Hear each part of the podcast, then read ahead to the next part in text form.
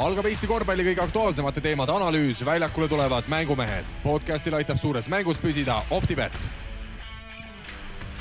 tere, head kuulajad, sügis on kätte jõudnud, üheksateistkümnendat oktoobrit näitab meile kalender ning mängumehed lähevad eetrisse oma selle hooaja seitsmenda osaga. taaskord katsume kokku võtta eelmise nädala kuumimad korvpalliteemad ning vaadata otsa juba sel nädalal aset leidvatele korvpallikohtumistele teisel pool Manta Maja stuudiolauda, seda kõike teha aitamas endiselt Kristo perekonnanimega Saage, tervitus! tere, Siim, rõõm sind näha, pole nädal näinudki juba. jaa, vahva, vahva,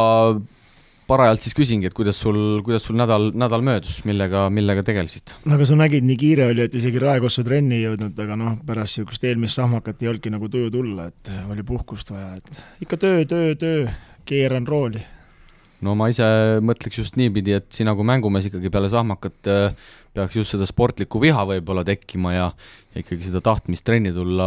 on just rohkem. no ütleme nii, et ma ei tahtnud segama tulla, et sul siin, siin mõtlemisainet on ja siin ikkagi seda tiimiga seda asja siin ajada on, et ma ei hakanud segama tulema, et vaatame uuel nädalal, kuidas meil läheb. aga eelmisest nädalast rääkides äh, sai siin äh,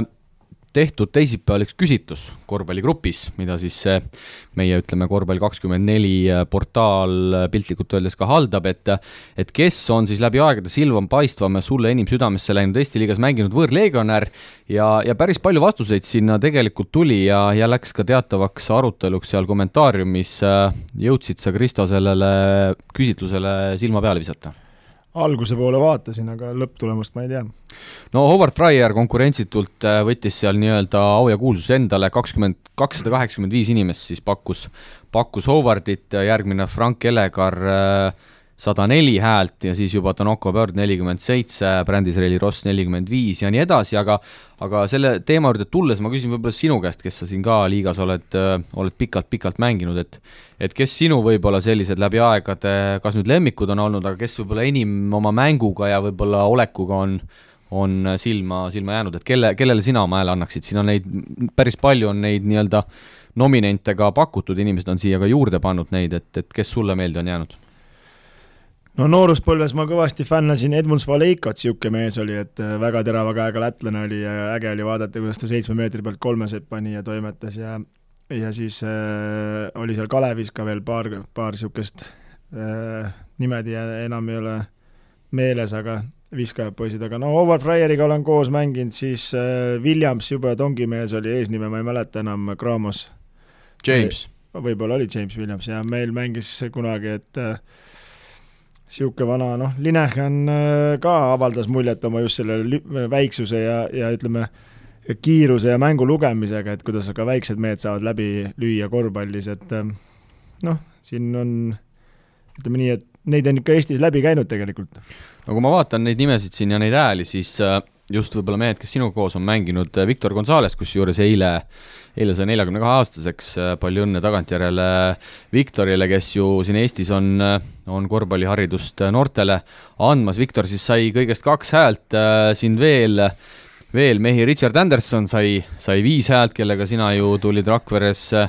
hõbedale ja, ja nii mõnedki, mõnedki mehed veel, et siin on George Jacksonit lausa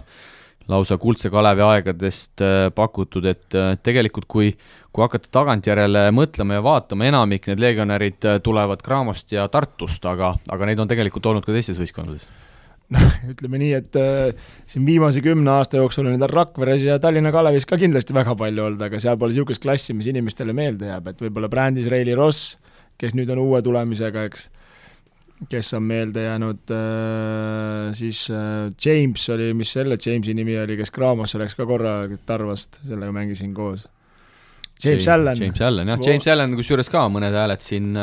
siin on saanud, ma kohe sulle, sulle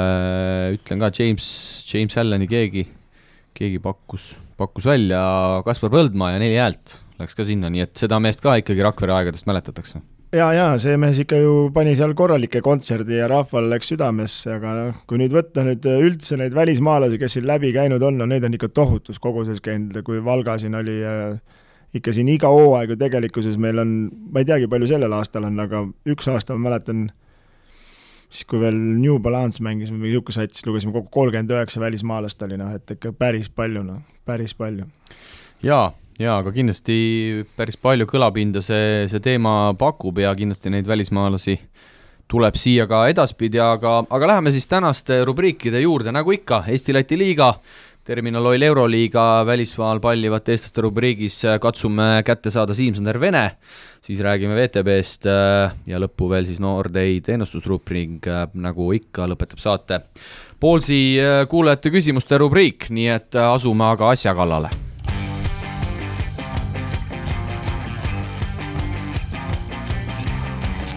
Eesti-Läti ühisliiga ja sel nädalal siis äh, sai peetud täpselt, äh, täpselt neli mängu, loen need kõik siis tulemustega ette, enne kui hakkame, hakkame arutama, Rapla TalTech teisipäeval viiskümmend, viiskümmend seitse TalTechile, kolmapäeval Pärnu käis siis Tartust üle seitsekümmend kuus, kuuskümmend kaks, Tallinna Kalev sisuliselt jõuga võttis Tarvalt võidu sõles, laupäeval üheksakümmend neli, üheksakümmend kolm ja, ja pühapäeval siis äh, Pärnu sai võõrsil võidu äh, Rapla üle, mitut mängu sa neist neljast, Kristo, ise oma silmaga nägid? Pärnu-Tartu poolaega ja Kalev Tarvas viimast kahte minutit, et äh, ei olnud kahjuks aega vaadata ja ütleme nii, et äh, kui siit need neli mängu ette lugesid, siis äh, kahel olid tulemused, kõik olid ühesõnaga tulemused oodatavad, mis äh, minu hinnangul, aga kuidas see välja kujunes, see oli ikka päris košmaar no kui me võtame selle esimese, teisipäeval oli see Rapla TalTech, seda mängu kahjuks äh, videopildi vahendusel ei näidatud, viiskümmend, viiskümmend seitse skoor, no mis, mis seal toimus siis, kui nüüd eeldada? no sina peaksid sellele küll vastust nagu vist rohkem teadma, et aga, aga kahju, et sellest videopilti pole, et ma ei tea, kas nad läksid ära pärast teist veerand aega või mis nagu, või kolmandal veerand läks minema, et see on ikka täielik mudamaadlus, et poolaeg oli kolmkümmend üks, kakskümmend kaks Raplal, kui ma ei eksi. jaa, seal oli kusjuures äh, selline mäng oli, et äh, kümme-null läks Rapla juhtima, ehk siis äh, TalTech ei saanud seal, ma ei tea, viis minutit kohtumise alguses punkte. Ja siis oli olnud seis, äh, Manukiga rääkisin äh, sellel Rapla-Pärnu mängul, nelikümmend kolm, viiskümmend oli vist olnud, olnud Rapla ees ja siis lõpus tehti vist selline vahva neliteist null teiselt poolt nagu, et et korralikult, korralikult üles-alla. No väga üles-alla, et sellel mängul ju veel Raplal olid kõik mehed olemas ka, et Rapla-Pärnu mängul me teame, et Pikk tegi sääred, teda enam ei ole, ja mis on muidugi väga suur kaotus, mida vaja hakata otsima ja, ja vigastada sai ka veel äh, mängujuht, siis äh, selles äh, TalTechi mängus teda ka ei olnud. jaa, ja seal ikkagi mehed korralikult äh, nii-öelda neid viskeid mööda panid, kui me siin, kui me siin otsa vaatame äh,, Freimanis kümnest kaks, Sutt üheteistkümnest kolm, juba lahkunud oli Hootsit siis kümnest kaks, TalTechi poolelt Puidet kaheteistkümnest kaks, Metsalu kaheksast üks, Sokk üheteistkümnest kolm, Kangur kümnest kolm, et et mis selle rabeduse tingib, noh, TalTech on siis siin kipsis olnud rünnakul, oli ka Pärnu vastu, eks see noh, loodetavasti võtab veidi aega, aga see, et mõlemad meeskonnad Rapla koduväljakul viiskümmend punkti, no ma ei, ma nagu ei leia sellist loogilist seletust ausalt öeldes isegi. et see on nagu TalTechi poole pealt vaadates, et nagu päris huvitav äh, nii-öelda eelmise aastaga võrreldes päris huvitav äh, nagu muutus on toimunud, et ennem olid niisuguse sats, kes lasid endale kogu aeg sada visata, nüüd lasevad viiskümmend et, et äh, ma ei tea, kas Kits, see, Kitsing, vabandust, et kas peatreener neil on siis äh, treeninud äh, siis äh, nii kõvasti kaitset, et rünnak on täitsa hooletusse jäänud. No Killing siin ise ka pärast seda mängu tegi nalja, et noh, näete, et vaadake, kus kaitse on tulnud, et siin. Eelmine hooaeg, ma mäletan, kui ta peatreeneriks sai, siis Tallinna Kalev pani kodus vist sada kakskümmend või midagi, et et nüüd juba, juba poole vähem, et viiskümmend, et aga, aga ei, nali naljaks selles suhtes, et rünnakuga ilmselt on on palju, palju tööd teha, sest et mitte ainult see Rapla mäng, aga tegelikult ju ka need Pärnu mängud näitasid, et see punktid punktideks, aga sellist voolavust seal rünnakul tegelikult praegu absoluutselt ei ole absoluutselt ei ole ja TalTech on, no nad pole saanud muidugi täiskoosseisuga treenida, et see, või mängida ka veel, et Sokk on natukene vigastatud ja nüüd oli see Smalts vigastatud ja neil ju tegelikult point guard'i pole, et Puidet seda mängib ja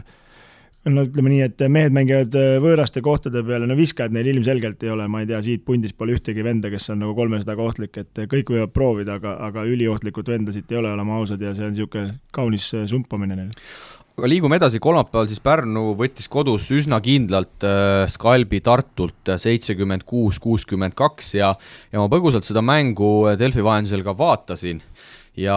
mis seal silma jäi, oli see, et esiteks, kui Tartul võetakse legionärid maha, on väga raske, ja kui Tartu vastu ikkagi need katted äh, suuremas osas vahetatakse, siis no need noored mehed ei leia neid lahendusi piisavalt kiiresti ja, ja ikkagi seal löödi korralikult kont kurku. Et seal mingitel hetkedel ja ütleme nii, et äh, Pärnu on tun-, teada-tuntud, et isegi eelmine aasta mängides, et äh, nad vahetavad lihtsalt ära ja, ja, ja siis panevad sind raskesse olukorda ja siis juba tuleb see meistriklass välja, ega siis on raske neid viskeid tabada hästi, et et äh, ütleme nii, et noortel meestel oli tahtmine suurem, kui oskused järgi tulid, et lõpuks isegi jäi see seis kaunis viisakas, et seal oli vist ju ka vahepeal kolmkümmend äkki vahe juba või, peaaegu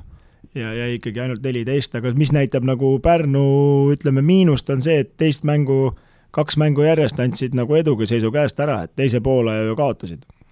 Jaa, ja noh, nüüd kui Pärnu nii-öelda kasuks rääkida, siis tegelikult äh, Rannulal on ka hea seda nii-öelda switch defense'it mängida, ehk siis vahetada neid katteid, kui sul on korraga väljakul Kirves ja Jaunson, siis need mehed ju mõlemad tegelikult suudavad võtta tagumisi ka.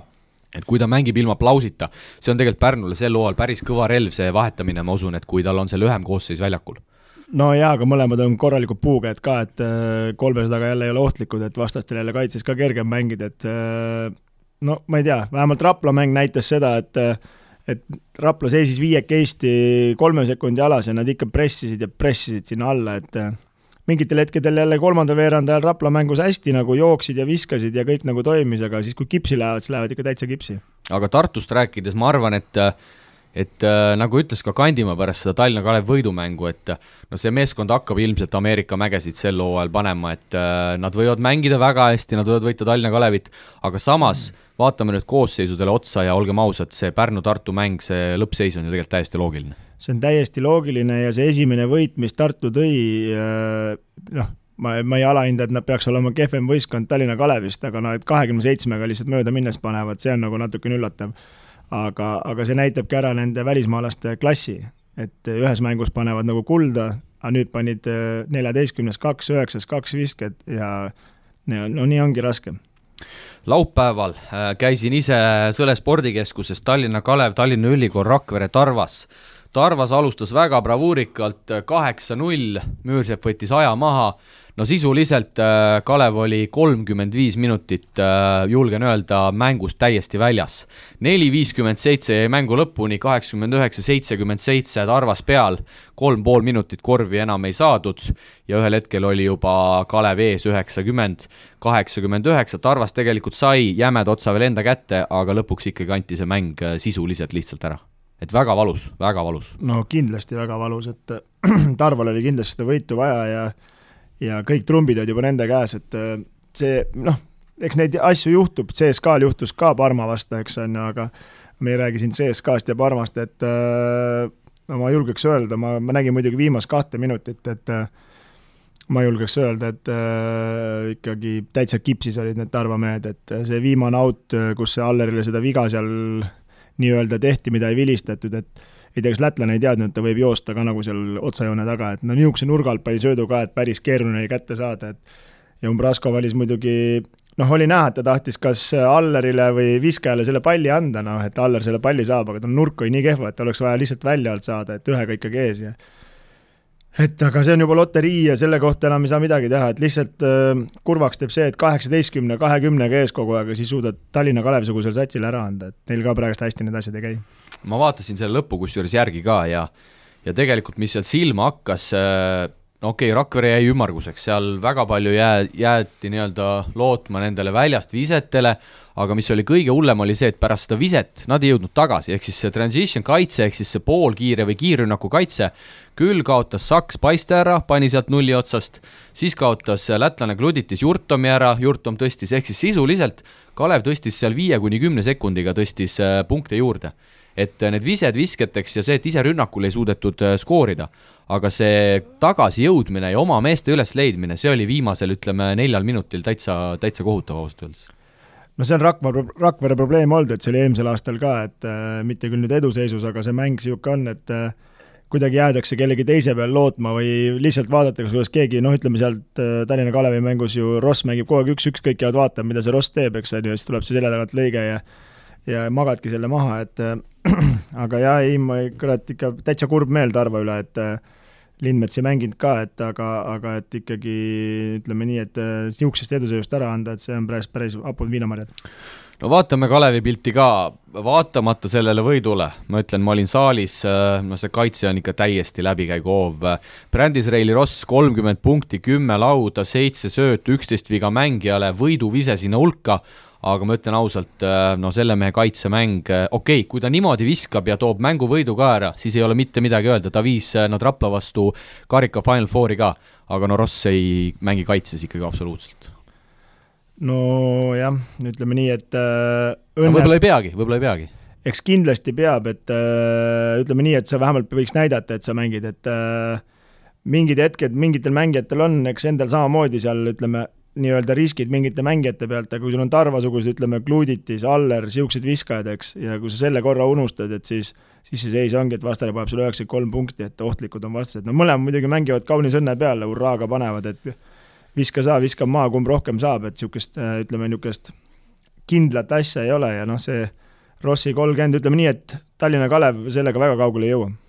jaa, ei taha siin nüüd äh, Rossi muidugi maapõhja ka nii-öelda taguda, aga aga Ross ikkagi nendesse katetesse väga kergelt jääb kinni ja, ja ma ütlen ausalt, neid kolmeseid sai seal konkurentsitult Ross kõige rohkem Allerite ja Glütiste poolt,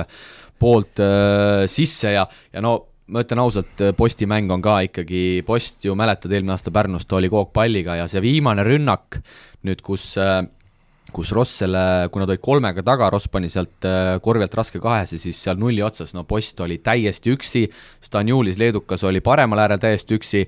Post seal lehvitas ja oli juba päris frustreerunud, et see sööt ei tulnud. Ja nüüd, kui Ross selle viske ära pani, noh siis Post natuke muidugi rahunes maha, kuna tuli korv, aga aga selgelt äh, see pall on julmalt palju Rossi käes ja mulle tundub, et äh, Postist, ütleme, Kalev ja Müürsepp ei saa seda õiget asja tänu sellele kätte no kindlasti ei saa, et äh, Paiste pärast mängu ütles ka, et äh, eks nad peavad sellega harjuma, et äh, et välismaalased võib-olla võtavad rohkem, eestlaste roll mõndadel väiksem, peavad nagu suutma leida niisuguse balanssi, et võib-olla mõni mossitab rohkem, mõni vähem, eks noh, Paiste kindlasti ei mossita, ise teades ka, et tal on nui neljaks, läheb, paneb nii nagu oskab ja kui sellest piisab, siis piisab, kui ei piisa, ei piisa, et aga kui sa tõid jälle, ütleme nii-öelda posti näite tõid, siis äh, siin on lihtsalt mänguplaanide erinevus, noh siin on mänguplaanide erinevus eelmise aastaga, Rannula pane-, ütleb talle, mis ta tegema peab. praegust peab post ise mõtlema. ja nii vähe, kui sa seda palli saad ja siis veel mõtled ka ja valesti mõtled, et siis ongi niisugune tulemus käes. Noh. hea, et sa Maarja Paiste juurde tulid, äh, võistkonna kapten siis äh, sellest hooajast ka Kalevis äh,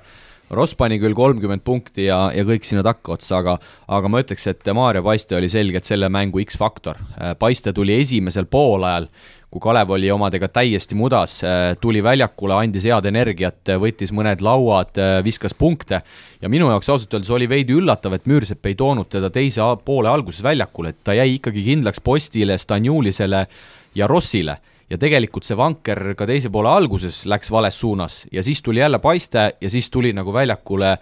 energiat, et selles suhtes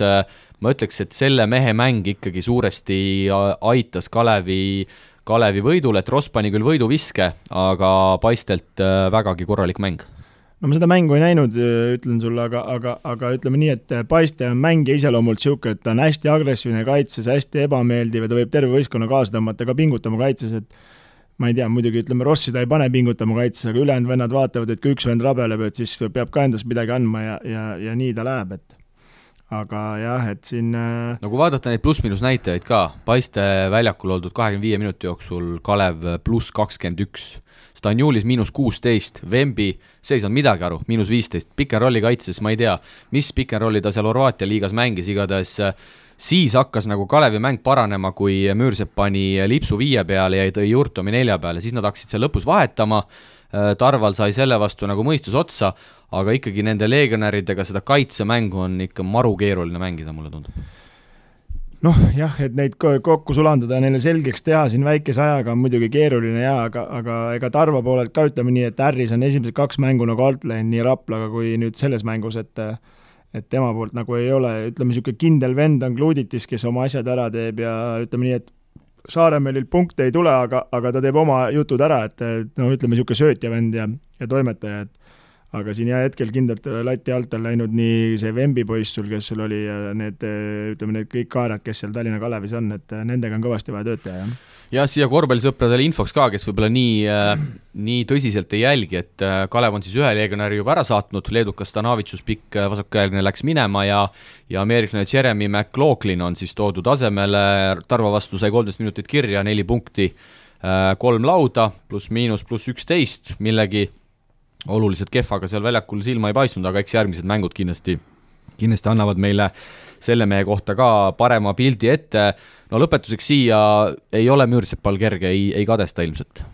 no ilmselt ei kadesta ja ütleme nii, et kui me kohe jõuame Eesti-Läti liiga lätlaste poole peale ka, et kui me vaatame siin, ma olen mõnda Läti mängu nüüd äh, ootamatult jälginud ja, ja ütleme nii, et äh, kui nüüd vaadata eestlaste tegemisi ja lätlaste tegemisi, siis tundub, et lätlased panevad kõik ülemised need osad kinni peale Kalev Cramo, et teistel on ikka päris raske ja siia lõppu veel äh, siis eilne mäng ka, Rapla-Pärnu. no Pärnu ikkagi suuresti dikteeris kohtumist, lõpuks korra ärevaks, äh, ärevaks läks, kui äh, Rapla tuli seal vist viie punkti peale, aga üldjoontes, kui me arvestame, et Raplal puudu mängujuht Ihring, Ilves on sõjaväes ja Alihotsits on läinud ja uut pikka pole veel leitud, siis no sealt oli raske ikkagi eeldada, et äh, Rapla kodusaalis äh, Pärnut võita suudaks. no Pärnul on kolm võitu, kui ma ei eksi, eks? jaa, kolmest kolm. jah, kolmest kolm ja, ja absoluutselt pole oma mängu näidanud, et äh, minu arust, et nagu nimede järgi ja koosseisu järgi tahaks nagu näha veidi paremat mängu, aga nii Tartu kui Pärnu mäng täielik ärakukkumine teisel poolel. et nii, kui üks rannule paneb mõne noore või mingi üks-kaks vahetust teeb ja kukub kogu kaardimaja kokku ja rütm on läinud ja ja ei no siin ärevaks ei läinud, selles mõttes Raplaga ikkagi seda mängu ma vaatasin äh, ja, ja ei läinud ärevaks, aga aga ikkagi niimoodi maha mängida olematu koosseisu vastu on ikka päris, päris nagu nukker. ja Raplale siis äh, ühe võidu kõrvale teine kaotus ja, ja seal sisuliselt üheksa meest oli küll Annukil üles antud, seal kasutas noort äh, Kardo Kilki, kes kusjuures tuli väga hästi peab seitsmeteistaastast noormeest kiitma, üksteist minutit väljakul, pluss kolmteist jäi tema, seal kaitses suutis ilusti survestada visked küll, küll viiest null, aga no nii õheda koosseisuga Raplal läheb raskeks. Nüüd sel nädalal laupäeval juba Tallinna Kaleviga kodus. Et, et äh, kiiresti tuleb vähemalt sinna korvi alla ikkagi kedagi, kedagi leida, et ma usun, et Sutt seal mängupositsioonil Äh, Marek Ruut ka suudavad ära täita, võib-olla Tallinna Kalev ei ole nii kõva kaitses survestaja ka, nagu see Tarva mäng näitas, et ka ikkagi sellist ülevälja pressi Kalevi poolt nagu, nagu väga ei näe, kui siin juba järgmise nädala, selle nädala mängude poole vaadata. No ütleme nii, et äh, Rapla-Pärnu mäng, äh, kui Rapla oli nii vähe mängijaid, ma arvasin, et sealt ei lähe võib-olla niisugune rong kohe veerema, kui ka esimesel poolel läks, aga teisel läinud, et teinekord on parem, kui on vähem mängijaid, et siis kõik on nagu teavad, mida nad äh, on nagu, peavad olema rollis sees ja on kogu aeg äh, mängus ja ei ole nagu mingit nii-öelda külmaks minemist või ei ole mingit pabinat, et kas saad või ei saa, et äh, no ütleme seal see, mis selle pika nimi on, seal Raplas jäänud see nimi Aminu. Aminu, vot no see pani vahepeal viis-kuus korda pani pealt, et ma ei tea, mis need Pärnu mehed tegid selles mõttes, et mees oli kogu aeg üksi ja lajatas ainult pealt, ma mõtlesin vahepeal, et on korduse peal, et mul see ülekanne, aga ei, tegelikult pani ikka erinevate nurkade alt, et ma arvan, viis-kuus pealtpanekut pani küll, et et see mees sai nagu tuhhi juurde, et teine pikk ära läks ja ja ega sellel, ütleme nii, et õhuke koosseis, aga ei saa alahinnata jah, kui sa Aminu juurde juttu tõid, kolmkümmend seitse minutit, kakskümmend neli silma, viskad kolmeteistkümnest kümme, kuus lauda, kaks söötu, kaks vahet lõiget, et väga, väga korralik mäng sellelt mehelt, vaatame, kuidas ta siin nüüd edasi toimetab, aga sa tabavalt ütlesid, et et mõnel mehel on, kui konkurentsi ei ole, siis, siis võivad tiivad, tiivad kasvada, aga vaatame uude nädalasse ka, kolmapäeval peaks mängima Cramo ja Tallinna Kalev. Cramo teeb kolmapäeva hommikul oma esimese võistkondliku trenni, sellest, selleni me tuleme ka VTB rubriigis, räägime Cramo tegemistest veidi, sinu ennustus, kas kui see mäng nüüd toimub, see ei ole päris sada protsenti veel paigas, kas Tallinna Kalevil on hammustamise varianti üldse? ei ole, pärast niisugust Tarva mängu kindlasti ei ole, et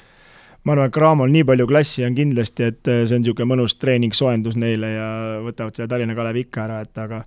aga ärme alahinda seda Tallinna Kalevit, et see võib olla niisugune luuavarjast pauku tuleb võistkond, et äh, Ross keevitab viiskümmend ja keegi veel natuke paneb ja ongi sada koos, noh. Äh, laupäeval telemäng, äh, Raplas taas, Rapla, Tallinna Kalev, meie sinuga mängumehed selle, selle mänguga vaatajateni toome, mis sa sellest, selle mängu kohta prognoosid? no vaatame, kas Rapla on oma ridasid paremaks saanud ja kui hull vigastus seal Irhingul on, et seda venda on, oli tegelikult väga noh, Tarva mängu ma nendel Rapla ja Tarva mängu vaatasin, et see oli ikka väga terava jalaga ja kiire poiss, et et kuidas nüüd äh, tema selle tagareiega need lood on, et võib-olla tuleb või võib-olla ei tule. no see... ilmselt äh, ütlen vahele, Annukiga rääkisin, no pigem ei, pigem ei. noh, jah, aga elame-näeme nii kaugele ja kas nad uue tsentri leiavad ja nii edasi, et aga noh, Raplas mängivad, äh, noh, pigem on niisuguse õhukese koosseisuga võiks Kalevil olla eelis, aga nende mäng on ka niisugune üles-alla, et niisugune raske öelda. Äh, teine väga huvitav mäng laupäeval, äh, TalTech Tartu, et nüüd Tartu on teinud kaks nii-öelda erinevat mängu, TalTech, nagu rääkisime, rünnakul on raskusi, kaitse on okei okay,, et kuhu poole sinna, no TalTech kindlasti koosseisu põhjal peaks olema favoriit, kodus ka veel. No võiks olla, aga ütleme, need, kui nendel, ütleme, viiekümne seitsme punktiga nad seda mängu ei võida, noh. et äh, rünnak peab natukene ikka järgi ka tulema ja, ja ütleme, et äh, TalTech pole nagu need mängud, mis ma nagu näinud olen siiamaani, et äh, nad nagu ei saa jooksma üldse. Nad ei saa üldse jooksma ja kui sa võtad kanguri korvi alt ära, siis kahjuks hetkel veel see noor poiss, kes äh, väga matute on, et see veel ei, kahjuks ei vea välja, et äh, temal on veel ikkagi kõvasti veel vaja tööd teha, et et seal on nad jälle õuksed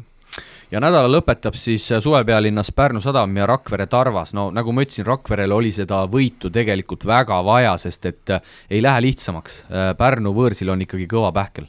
no see on kõva pähkel, aga arvestades niisugust äh, Tarva stiili, et kui Pärnu nad jooksma laseb, läheb neil igal juhul raskeks, et koo üles lasevad, et siin hetkel need mängud on ju näidanud, et Pärnu on teisel poolel ära kukkunud, aga ütleme nii, et Tarval on ikka kõige suurem probleem praegu korvi all, et äh, kui Lindmetsa ka ei ole, ütleme, Tallinna Kalevil ei olnud pikka, domineerivat pikka, aga Rapla mängus ikkagi see tuuseldas see Ali Ohtšits väga, väga võimsalt ja seal ei läinud isegi mänguks, et äh, aga elame-näeme. vaatame Läti meeskondade poole ka, käime need tulemused ka üle, nädalavahetusel mängiti siis kolm mängu laupäeval äh, VEF võitis Ventspilsi küll kolmega, aga ma nii-öelda online statistikas seda mängu jälgisin, et tundub, et VEF ikkagi suuresti seda mängu kontrollis, Aigar Škele kakskümmend üks silma, Ventspilsi poolelt muidugi Kulbis kolmkümmend üks, jättis oma keskmise üle kolmekümne ja nägin ühte videot ka, pani vihaselt ülevalt alla ka seal ühes olukorras et ma kohe pärast seda mängu vaatasin, et Kulbis pani jälle kolmkümmend üks, et palju tal see keskmine oli, tal oligi vist kolmkümmend üks koma neli äkki, kui ma ei eksi, ja, ja siis ma vaatasin, et kui ta veel vabaviskeid ka ära paneks, et siis oleks nagu päris äh, kaks, seitseteist, kaksteist, et äh, vabavisked meil ei lähe, aga kolmesed paneb kuuest neli keskmiselt mängus, et äh, mees on ikka ülikuum ja kõik võistkonnad teavad, et seal ju ütleme, Ventspilsi koosseis väga tummine ei ole, et aga oleme ausad, teine poiss Auseis ka väga-väga-väga võimast mängu teeb hetkel jaa, Ausseis siis kakskümmend kolm, ütleme Kulbise keskmised ka ära, kolmekümne viie aastane mees siis nelja mänguga kolmkümmend üks koma seitsekümmend viis äh, punkti, äh, märkimisväärsed numbrid äh, Ventspilsi meeskonna kaptenilt, laupäeval mängisid veel ka Valmiera Liepaja, väga tuline mäng, Valmieral oli sisuliselt nagu Tarvalgi võit juba kodus käes ja Liepaja lõpuga noppis ikkagi ise ära kaheksakümmend kaheksa, kaheksakümmend kuus Äh, Edmund Selksnis äh, jälle Valmiera poolelt, siis kaotajate poolelt tegi suure mängu, kakskümmend kolm punkti, viisteist söötu, ma ei tea, kas Pahv liigas üldse keegi on pannud viisteist söötu, on sul meeles? on ikka, eelmine aasta poiss pani, et äh, Elksnisega võidu panid seal. ja Vrotten pani vist ka, Vrotten pani lausa mingi kakskümmend äkki seal mingi kaheksateist või midagi niisugust, aga see selleks, aga äh, jäin ka seda Valmiera Liepaja mängu seal Youtube'ist näitab, aga ära sa nüüd vaata, mul on sulle küsimus ka, et et tead, palju Elksnis keskmiselt nelja mänguga sööte pannud on praegu? Oi, päris hästi, ma ütlen, ta on juba, ta on, ma arvan, kolmes mängus pannud kindlalt üle kümne. Äh,, see on hea küsimus, ma pakuks äh,, mis ma pakun? Mm,? kaksteist koma seitse. Õige vastus oli täpselt kümme, et äh, vaatasin pärast järgi, et mehel oli jah, kümme söötu keskmiselt nelja mänguga ja no ma vaatasin seda mängu, ta ikkagi päris kunn ja päris osavalt paneb ka praegust, et mängib ikka selle Valmiera nii lahti ja ise ka rasketel hetkedel, aga väsis ka ära ja no Liepal oli kõvasti õnne, et kõvasti-kõvasti äh, õnne ja ütleme nii, et äh, Valmer andis ise selle mängu ära, jah. aga ma arvan, et see Elksnise näide ongi nagu ülihea, et kui sul kõik on lubatud, nagu me teame, klubijuhid on tal seal semudeks,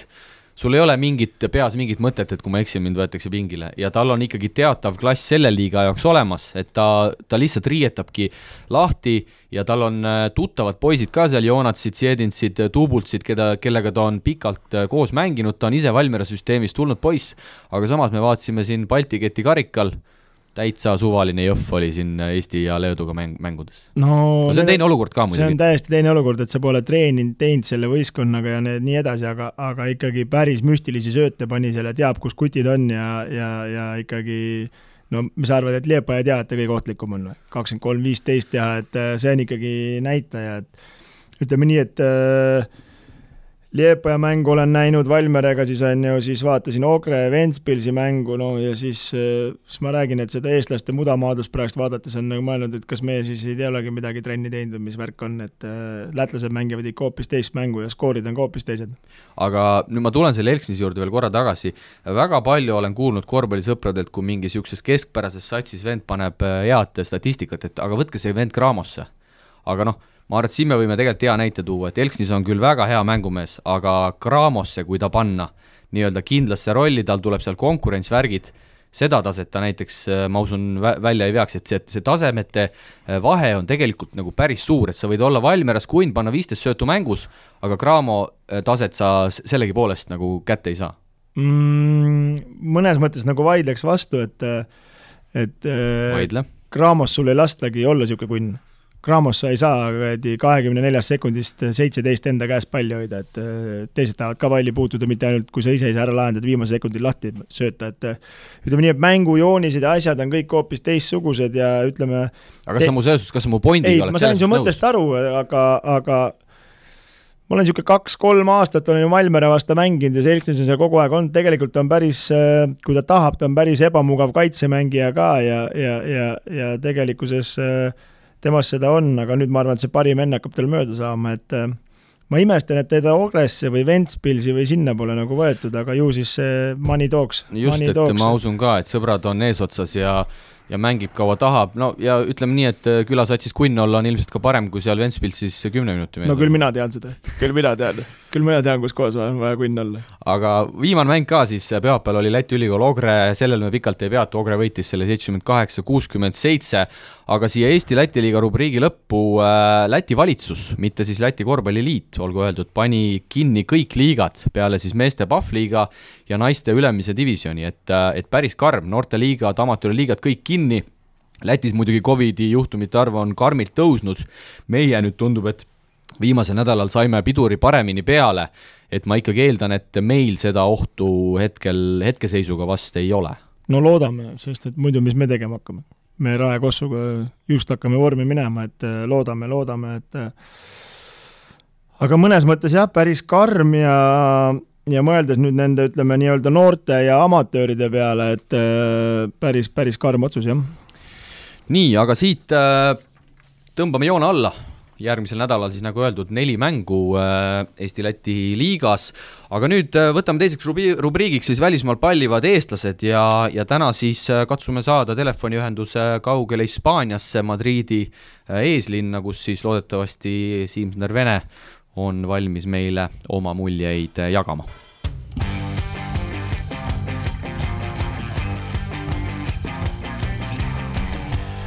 nii, välismaal pallivate eestlaste rubriigis siis nagu äh,, nagu saate alguses lubatud äh,, katsume saada täna telefoniühenduse kaugele Hispaaniasse, kus,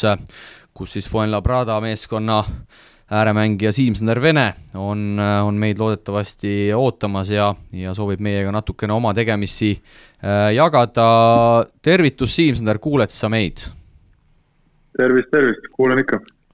tere, Siim Äh, räägi nüüd, äh, Siim, null viis, null viis on teil ees pärast äh, väga ilusat nii-öelda kontrollmängude seeriat, kas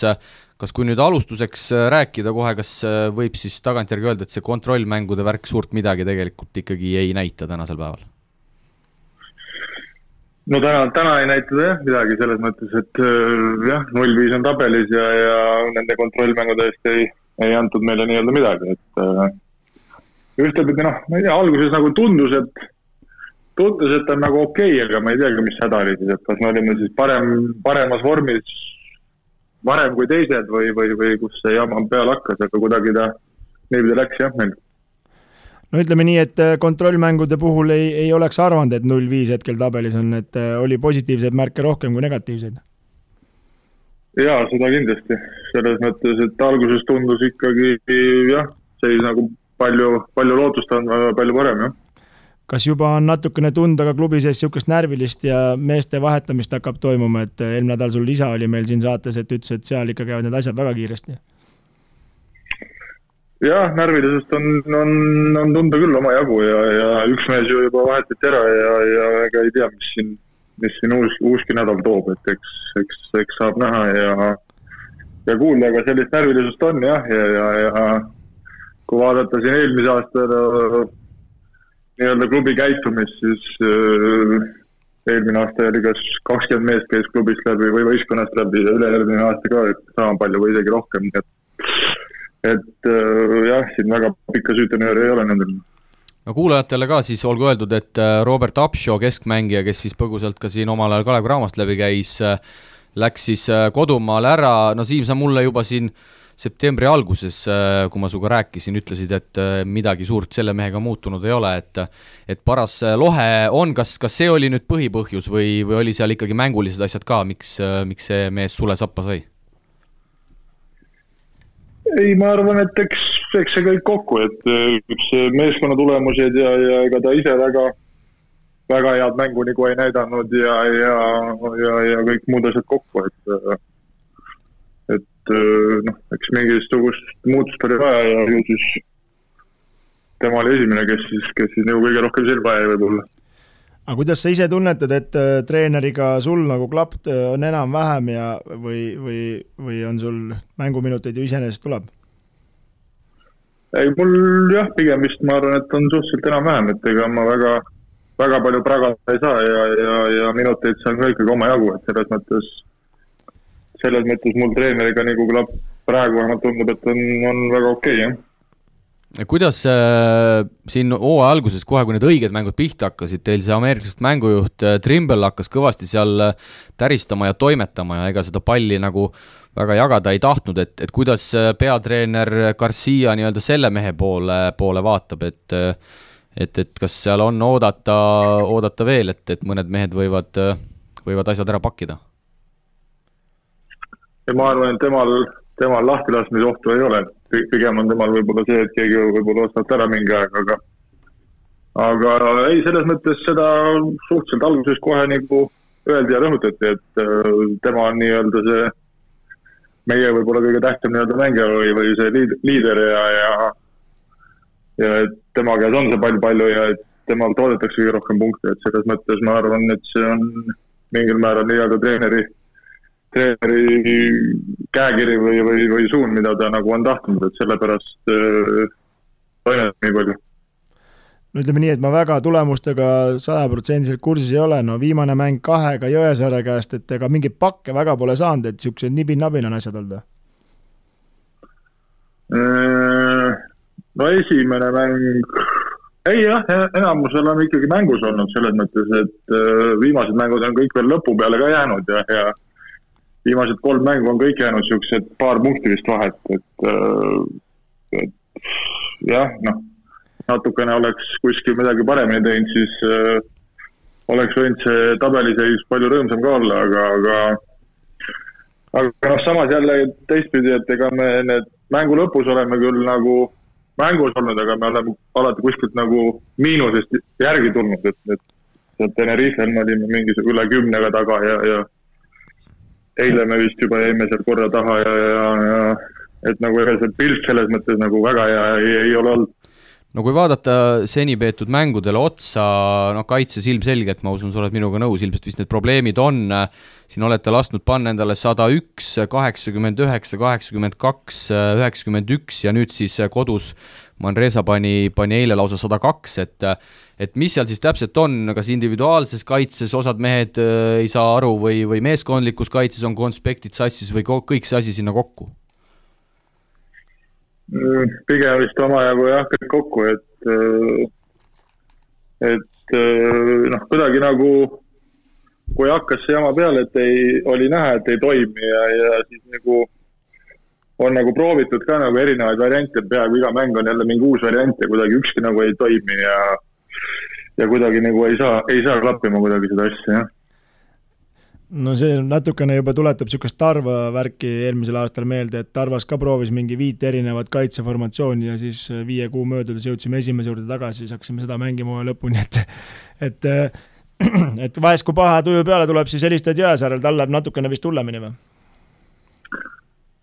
Seda küll jah, et noh, kuidas öelda, et meeskonnal nagu läheb paremini, aga jah, isiklikus plaanis läheb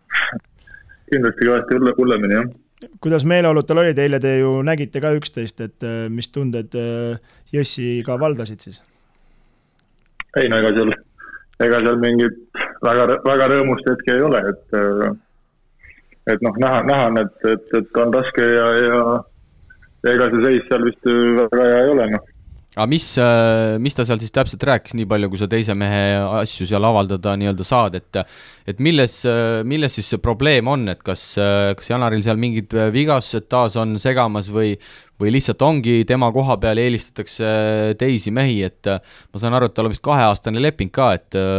et natuke nagu naljakas, et äh, sina seda treenerit ka tead, minu teada see treener oli enne seal paigas juba, kui, kui Janari võistkonda võeti, ehk siis äh, siin on käinud läbi jutud umbes, et äkki võttis äh, management hoopis ta klubisse, et treener ei ole temaga arvestanudki, et seda nagu ju ka tegelikult olla ei tohiks. ei, treener oli juba eelmine aasta seal jah, et selles mõttes ma ei usu, et, et ta kuidagi nii-öelda vastu tahtmist treenerile võeti, et ma arvan, et treener oli kursis ja, ja ja, ja minu arust nad isegi suvel midagi rääkisid omavahel, et enne, enne, enne kui nad seal allkirjastasid, et äh, et ma arvan, et see ei ole see probleem, aga noh, eks ta, eks ta ise teab rohkem igatahes ja ka, ka vigastused nagu minu arust neid nagu praegu ei ole, et, et see vist ei ole see probleem praegu seal et naljaga pooleks võib öelda, nagu siin eestlastel tavaliselt ostavad välismaalast, et jõudis Hispaaniasse ja treener vaatas, kurat, hoopis kaks null kolm, et pidi kaks null kaheksa olema, et ah, vale mees. aga las ta siis olla või? no ma, ma, ma ei usu, et päris, päris nii avantüüri, tüüri, tüüri peale ka mindi räägi äh, veel sinu meeskonna vaatevinklist, Siim, et äh, et kuidas see seis siis praegu on, sa ütlesid, et närviline on, mitu kriisikoosolekut juba, juba seni olnud on ja kuidas võib-olla võistkonna sisekliima on, et mehed hoiavad ikkagi kokku või, või juba vaikselt paha tuju peal ja nokitsetakse oma nurkades? ei, selles mõttes ütleme, see niisama olek on nagu, on nagu okei okay,, ma arvan, võistkonna sees, et veel mingiteks näpuga näitamiseks või, või, või lööminguks ei ole läinud ja, ja niisuguseid asju nagu ei ole ja ja otseselt nagu ei paista ka selles mõttes, et nagu punt iseenesest on, ma arvan, nagu selline, kes inimeste poolest, kes nagu sobib kokku, aga, aga kuidagi mängu tulemused ei ole praegu järgi tulnud, aga, aga kriisi, noh, ma ei tea, kas ta kriisikoosolek oli, aga mingisugune tõsisem nii-öelda vestluse üks juba oli küll ja, ja ja suure tõenäosusega tuleb siin uuel nädalal, ma arvan, veel midagi, et, et noh, seda närvilisust on näha ja, ja ja tunda kogu aeg, nii et, et, et et noh, eks saab näha. kuidas selle Covidi testimisega teie liigas on, et torgitakse palju? jaa, väga tore on jah iga nädal saab ikka vähe, vähemalt korra, korra ära pulga linna ja, ja ja, ja mõnikord ka kaks, nii et väga hästi läheb sellega, jah. kas äh, tribüünid on muidu, ma eeldan, et teil, teil tühjadeks, et, et vist rahvast, rahvast saali ei lasta ja, ja nagu ma isa jutust sulle aru sain, siis äh, riietusruumi vist äh, meeskonda ka endiselt ei lasta? No vahepeal ikka midagi saame seal, et nüüd ütleme, et äh, ilmad on külmemaks läinud ja, ja, ja enam ei taheta, et kõik äh, kohe päris higisena õue tormavad, et, et midagi on, on kuidagi suudetud ikkagi natukene, natukene seda poolt paremaks teha, aga rahvast saalis jah, ei ole. et selline noh, nagu ütleme, kõikide koos mängijate ja kõikide abipersonali asjade kokku tavaliselt niisugune viiskümmend inimest võib-olla on saalis, see on ka kogu lugu Äh, palju sa teiste Hispaania poistega üldse suhelnud oled, meil on neid päris palju seal sel hooajal, et kes kõrgliigas, kes, kes esiliigades, et, et kuidas äh, geograafiliselt, kes sul seal kõige lähemal muidu distantsiliselt on? Kaasaja vist on kilomeetritelt vist kõige lähemal, aga, aga noh, ma ei tea, vahepeal ikka. Tuleb jutuks aeg-ajalt midagi ja, ja ikka, ikka hoiame kuskil, kellega rohkem, kellega vähem, aga ikka hoiad natukene sidet kas äh, Eesti koondise pealik Jukka on juba ka ühendust võtnud, et siin ju tuli uudis, et et koondise mull tuleb meil äh, novembris, et kümme päeva, et kas kas äh, on Toiale ühendust võtnud ja oled sa juba klubi sees rääkinud ka, et kui, kui hästi sellele vaadatakse, et sa, et sa sinna mulli lähed nüüd, eriti vaadates seda null viite? ei, seda klubiga ei ole veel juttu olnud, aga Jukkaga oleme, oleme ka ühenduses, et selline paar korda kuus ikkagi räägime natukene olukorrast ja nii, et et, et selles mõttes on ühendus olemas ja, ja aga klubiga jah, ei tea veel, et ei ole seda, seda arutelu olnud veel, et eks seda saab näha hiljem. ei ole julgenud küsida veel ka? praegu, praegu on paha hetk küsida. praegu on paha hetk küsida ka ja ei ole nagu põhjust ka olnud praegu veel, et, et noh, eks, eks varsti nüüd korvpalliliit peab äh, selle kutse või selle ära saatma ja eks siis, siis on nagu põhjust rääkida sellest, ma arvan no siia lõppu veel äh, laupäeval siis mängite uuesti nüüd võõral väljakul, et äh, et kuidas see rong nüüd teistpidi veerema saada, et siit, siit nagu välja ronida või, või lihtsalt ongi, et tuleb kuidagi, kuidagi ühele lainele seal väljakul saada või, või, või mida, mida siis täpselt tegema peaks või mida, millele treener enim, enim nagu rõhub praegu?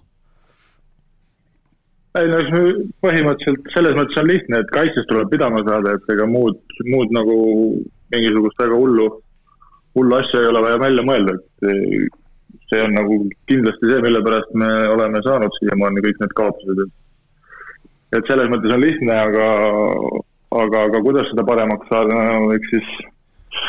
eks siis peab trennis vaatama, et, et kuidagi saaks jooksma asjad natuke paremini. teoorias me teame kõik, kuidas võita, aga praktikas on vähe keerulisem, eks? No paraku kipub nii olema millegipärast, jah. aga ma arvan, et lõbusamalt, meil on siin kolm kraadi, noh, ma arvan, et sul on vist natuke rohkem või? no tiba on ikka rohkem, jah. aga mitte väga palju rohkem, kuna peate juba riietusruumi kasutama, eks? ei no õhtuti läheb külmaks, päeval on ikka, ikka rõõmsam, tunduvalt, jah aga olgu, Siim äh,, aitäh sulle, et, et mõtteid äh,, mõtteid jagasid ja, ja proovige siis kuidagi sealt äh, no ma ei tea, kas päris auguks saab seda, seda juba nimetada, aga, aga proovige siis ikkagi kuidagi võidu, võidulainele saada. meie soovime siit Manta majast sulle päikest ja võite. jah, ole, ole tubli. ole tubli jah, olgu. Nonii äh,, mis me oskame öelda, ega ausad, äh, ausad vastused ausalt äh, Eesti mehelt, et ega seal midagi, midagi üllatavat selles suhtes ei olnud, et äh, ega null viis, noh, kõigil tuleb ilmselt paha tuju peale, et et ma arvan, et ei tahtnud Siimu selles osas torkima hakata, et ma arvan, et ega seal treeneril ka ilmselt see jalgealune Priit meile ju siin ka eelmine nädal ütles, et on päris tuline no jaa, aga ütleme, Siimu praegust siin ütleme, vestlust siin arvestada, ütleme nii, et tema on igasugust olukordadest läbi käinud, et teda see ei morjenda, et tema teeb oma asja ära. no mänguminutid näitavad ka, et treener tema asjadega on rahul, noh, kui ütleme nii, et punkte, viimane mäng kakskümmend kaheksa minutit, üheksa punkti, üks sööt, viis viga, et et noh, ütleme neid lahtreid seal võib-olla saab veel natukene paremaks teha, aga no kui ikkagi ainult ründelauas pead võtma ja siis nagu väga hull, väga hullud numbrid ei ole, et äh, minutid ei tähenda ainult punkte, et järelikult temal on päris okei okay pärast olukord. ja kui Jõesaarel veel korra peatuda, siis äh, noh, ma siin linna pealt natuke kuulsin, et äh, juba vaadatakse, vaadatakse ringi, et agent vaatavad juba ringi, et kas Graamo fännid võivad kas nüüd rõõmustama hakata või vaikselt hakata pöidlaid pihus hoidma või? oh jah, ma ei tea, kahju küll praegust, ütleme Jessist on selles mõttes kahju, väga kahju, et äh, oleks taht, et äh, no ütleme, niisugune kuldne iga on käes praegust, et äh, viimane hetk võiks ennast tõestada olnud kuskil välismaal ja ütleme, võimed ja asjad on nagu raamas näidanud, aga lihtsalt ei sobi sinna satsi ja tundub, et selle treeneriga tal mingit klappi pole, et kus ikka üldse peale ei saa ja no ei tea muidugi, mis olukord trennis on, kas üldse lootust on, aga pigem tundub ei ja kui sul on kaheaastane leping ka ja esimese kuuga saad aru, et sind ei taheta sinna, et siis on päris nukker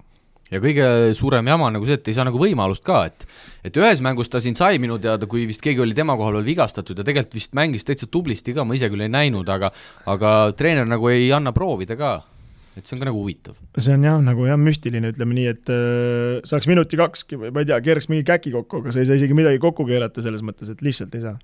Aga vaatame siis äh, teiste meeste tulemuste otsa ka, siin äh, Hispaania esiliiga mehed hakkasid ka oma mängudega pihta, reedel siis äh, Kristjan Kullamäe koduklubi Palma mängis siis vana koduklubi Real Canoega ja esimene mäng küll kaotati, kaheksakümmend kolm, üheksakümmend üks, aga Kristjanilt väga võimsad kakskümmend seitse punkti, neli söötu, visked kuueteistkümnest kümme, no see on küll suurepärane, suurepärane algus jaa, jätkas, jätkas sealt, kus ta koondisega pooleli jätkis, et äh, tundub, et on kõvasti trenni teinud ja, ja, ja on väga heas vormis, et äh, see on küll väga, väga võimas start. Ja tema siis äh, kõrgliiga klubi Burgosest on laenul esiliigas, eks Burgos, äh, tuletame meelde, võitis siis selle mullis korraldatud FIBA meistrite liiga finaalis Ateena AEK-d, nii et äh, ma arvan, et kui sellised esitused jätkavad, jätkuvad, siis no ma ei näe küll põhjust, miks ta seal Burgoses ühel hetkel rotatsioonis ei peaks olema noh, hetkel tema kohtade peale, see on ikka päris kõvad vennad ees ka muidugi, aga, aga, aga Renfrod ja kes seal tal ees on seal purguses, et aga aga kindlasti järgmisel aastal miks mitte, kui ta niimoodi jätkab, jah. ja ütleme nii, et vahet ei ole, on see Hispaania kõrgliiga või esiliiga või mis iganes muu, aga kakskümmend seitse silma iga päev meil Eesti mees kahjuks või õnneks ei, ei pane ei, ei kindlasti. Ja ütleme nii, et see on ikka väga kõva sõna seal Hispaania esiliigas ja, ja see näitab, kui hästi ta selleks, ütleme, avastardis kakskümmend seitse panna, et ta on selleks hooajaks valmis ja viiskümmend kuusteist kümme, et et väga hästi pandud, et no Kitsing, kes meil oli siin üle-eelmises saates äh, telefonitoru otsas, äh, laupäeval käidi üle siis Klaipeda Neptunasest üheksakümmend kaheksa, kuuskümmend, Kitsing äh, põhis, kakskümmend kuus minutit, kuus punkti, viskad küll kuuest üks, kolm lauda, kaks söötu sinna, sinna hulka, aga võib-olla mis veel kõvem uudis tuli siis eile, kui Maurice Ndour, Senegali mees, kes siis eelmisel aastal pallis Valencia meeskonnas, liitus siis äh, Riitasega ja, ja tuleb ikka kaunikesti sinna Kitsingu kohale ja nii palju, kui ma Kitsinguga siin põgusalt eelmine nädal rääkisin, siis äh, see autoavarii poiss McCulloch jäetakse ka vist ikkagi satsi, et äh, tundub, et läheb kõvemaks võitluseks tundub, et Ritasel on tõsised plaanid Salgeri selle kandadele astuda või üritada vähemalt mingitki konkurentsi pakkuda, et hetkel hakkab see ikkagi koosseis päris tummiseks minema ja see on ju, ütleme, meie poisi vaatevinklist on see ju kitsingu vaatevinklist ikka ülikõva, et niisugusesse, siis ütleme, niisuguses satsis isegi trenni teha, see on juba ka kõva märk, noh. ja Andurist veel rääkides, kes siis äh, eile Riitasega sisuliselt liitus, eelmine aasta Valencias, äh, kaks hooaega enne seda Unixis, saanud hooajal kuusteist, seitseteist kirja mängud ka New York Knicksis ja Ri-, ja Real Madridis siis kaks tuhat viisteist, kuusteist, nii et äh, päris selline korralik CV on sellel Nduril ette näidata, eelmisel aastal siis Valencia eest kuus koma kolm punkti, kaks koma Äh, neli lauda, võib-olla et kõige rohkem huvitav, et see mees üldse veel, veel vaba agent oli, aga, aga kindlasti jah, konkurents on edasiviiv jõud, nagu sa ütlesid. Ja, ja meie poisil on muidugi hea start tehtud ja ega see Ndur peab ka ju, Maurice Ndur peab ka ju tõestama, et ta on ikkagi seda kohta väärt, et kindlasti pealik seal niisama mingeid minuteid ei anna. ja Rain Veidemann siis ka Saksamaa esiliigas Rostocki meeskonnas äh, laupäeval pani hooaja käima, võõral väljakul Bremerhavenilt äh, saadi tappa kuuskümmend üheksa, seitsekümmend kaheksa, Rain kakskümmend minutit, äh, kuus punkti, visked kümnest kolm ja kaug, kaugvisked olid seal lausa kuuest, kuuest null. Noh, esimene mäng võib-olla neil ei ole ka see nii, ütleme, natuke rooste peal veel, et äh, aga kakskümmend minutit äh, täitsa tipp-topp, et äh, ei ole hullu midagi. ja ma usun, et Rainilt ka kindlasti mingi hetk me me kommentaari siin võtame ja teine Baltikumi mees Ronald Saakis siis, keda mäletame eelmine aasta Ventspilsis, on siis, on siis sel hooajal Raini võistkonnakaaslane. ja laupäeval siis oli veel Henri Trellil mäng, Trell küll hüppelõigese vigastuse tõttu ei mänginud Trento vastu ja, ja pühapäeval siis Kaspar Treieri koduklubi Sassari võitis siis Bologna meeskonda kodus kaheksakümmend üheksa, kaheksakümmend kolm. Treier äh, sai seal neli minutit, neliteist minutit mängida, äh, ühe lauapalli sai kirja, aga pluss-miinus näitaja miinus neliteist, et noh, ma ei tea, muidugi see pluss-miinus näitaja kohati on niisugune eksitav, eksitav asi, aga, aga kindlasti parem olla plussis kui miinuses jaa, võib-olla jah, ei oska praegu sel hetkel muidugi öelda, seda mängupilti ei näinud, et kas seal olid pikalt ees see mängu või kui kaheksakümmend kolm, kaheksakümmend üheksa tihedas mängus Sassarist väljakule saada pole ka paha näitaja. ja Martin Paasoja, kui me juba Hispaania esiliiga juurde tulime, siis tema mängis ka esimese mängu Real Valladoliidi eest ja ja kui Kullamäe kaotas, siis äh, Paasoja võitis äh, Ourense meeskonda kaheksakümmend üheksa, kaheksakümmend seitse, Paasoja algviisikus, aga neljateist minutiga punktiarv jäi kahjuks avamata, visked kahest null, ühe söödu, kaks vaheltlõiget äh, sai kirja, aga ma arvan, et positiivne on see, et algkoosseisus see ka ikkagi midagi näitab jaa, loomulikult ja no ütleme siin, ütleme Veidemann äh,, Paasoja, nendel on ikkagi, ütleme niisugune esimene, ütleme, start, ütleme kuskil üle pika aja välismaal ja ja natukene võib-olla, no Veidekas pole ka Saksa esiliigas mänginud ja aga Kullamäe, tema juba teab, kus ja mida ta toimetab, et temal on selles mõttes lihtsam. jaa, ja Joonas Järvelaineniga ka siin põgusalt äh, rääkisin, tema siis sel hooajal sellises eksootilises liigas nagu, nagu Islandil ja esimene voor sai mängitud, äh, võideti siis esimene mäng võõral väljakul esimesel oktoobril. Äh, Grindaviki meeskonnast, on lisaajal sada üks, üheksakümmend neli Järvelainen kolmekümne üheksa minutiga kakskümmend punkti, viis lauapalli, aga Joonas siis ütles, et nüüd kaheks nädalaks pandi liiga kinni, et kui meil on siin kolmkümmend juhtu päeva kohta, siis seal on kolmsada nüüd hetkeseisuga Islandil, ja ütles, et on oht, et pannakse veel kaheks nädalaks kinni, et trenni saavad teha, aga mänge ei toimu, et käib seal kuumavälikatel ja, ja niisama rändab ringi noh, Joonasel niisugune, tundub niisugune eelmisest aastast iseloomu järgi ka, et ega tal selle nautlemise ja niisama ringi tõmba-, vaatamise kohta ei ole nagu hullu, et hea omas mullis panna, aga ei oska selle Islandi liiga kohta midagi öelda, aga ütleme, Islandi sport on suhteliselt üles läinud, kui vaatad siin jalgpall, käsipall, need ju toimetavad koondise tasemel väga hästi, et liiga kohta ei oska midagi öelda, ma tean, et kunagi Renato Lindmets mängis seal ka, aga aga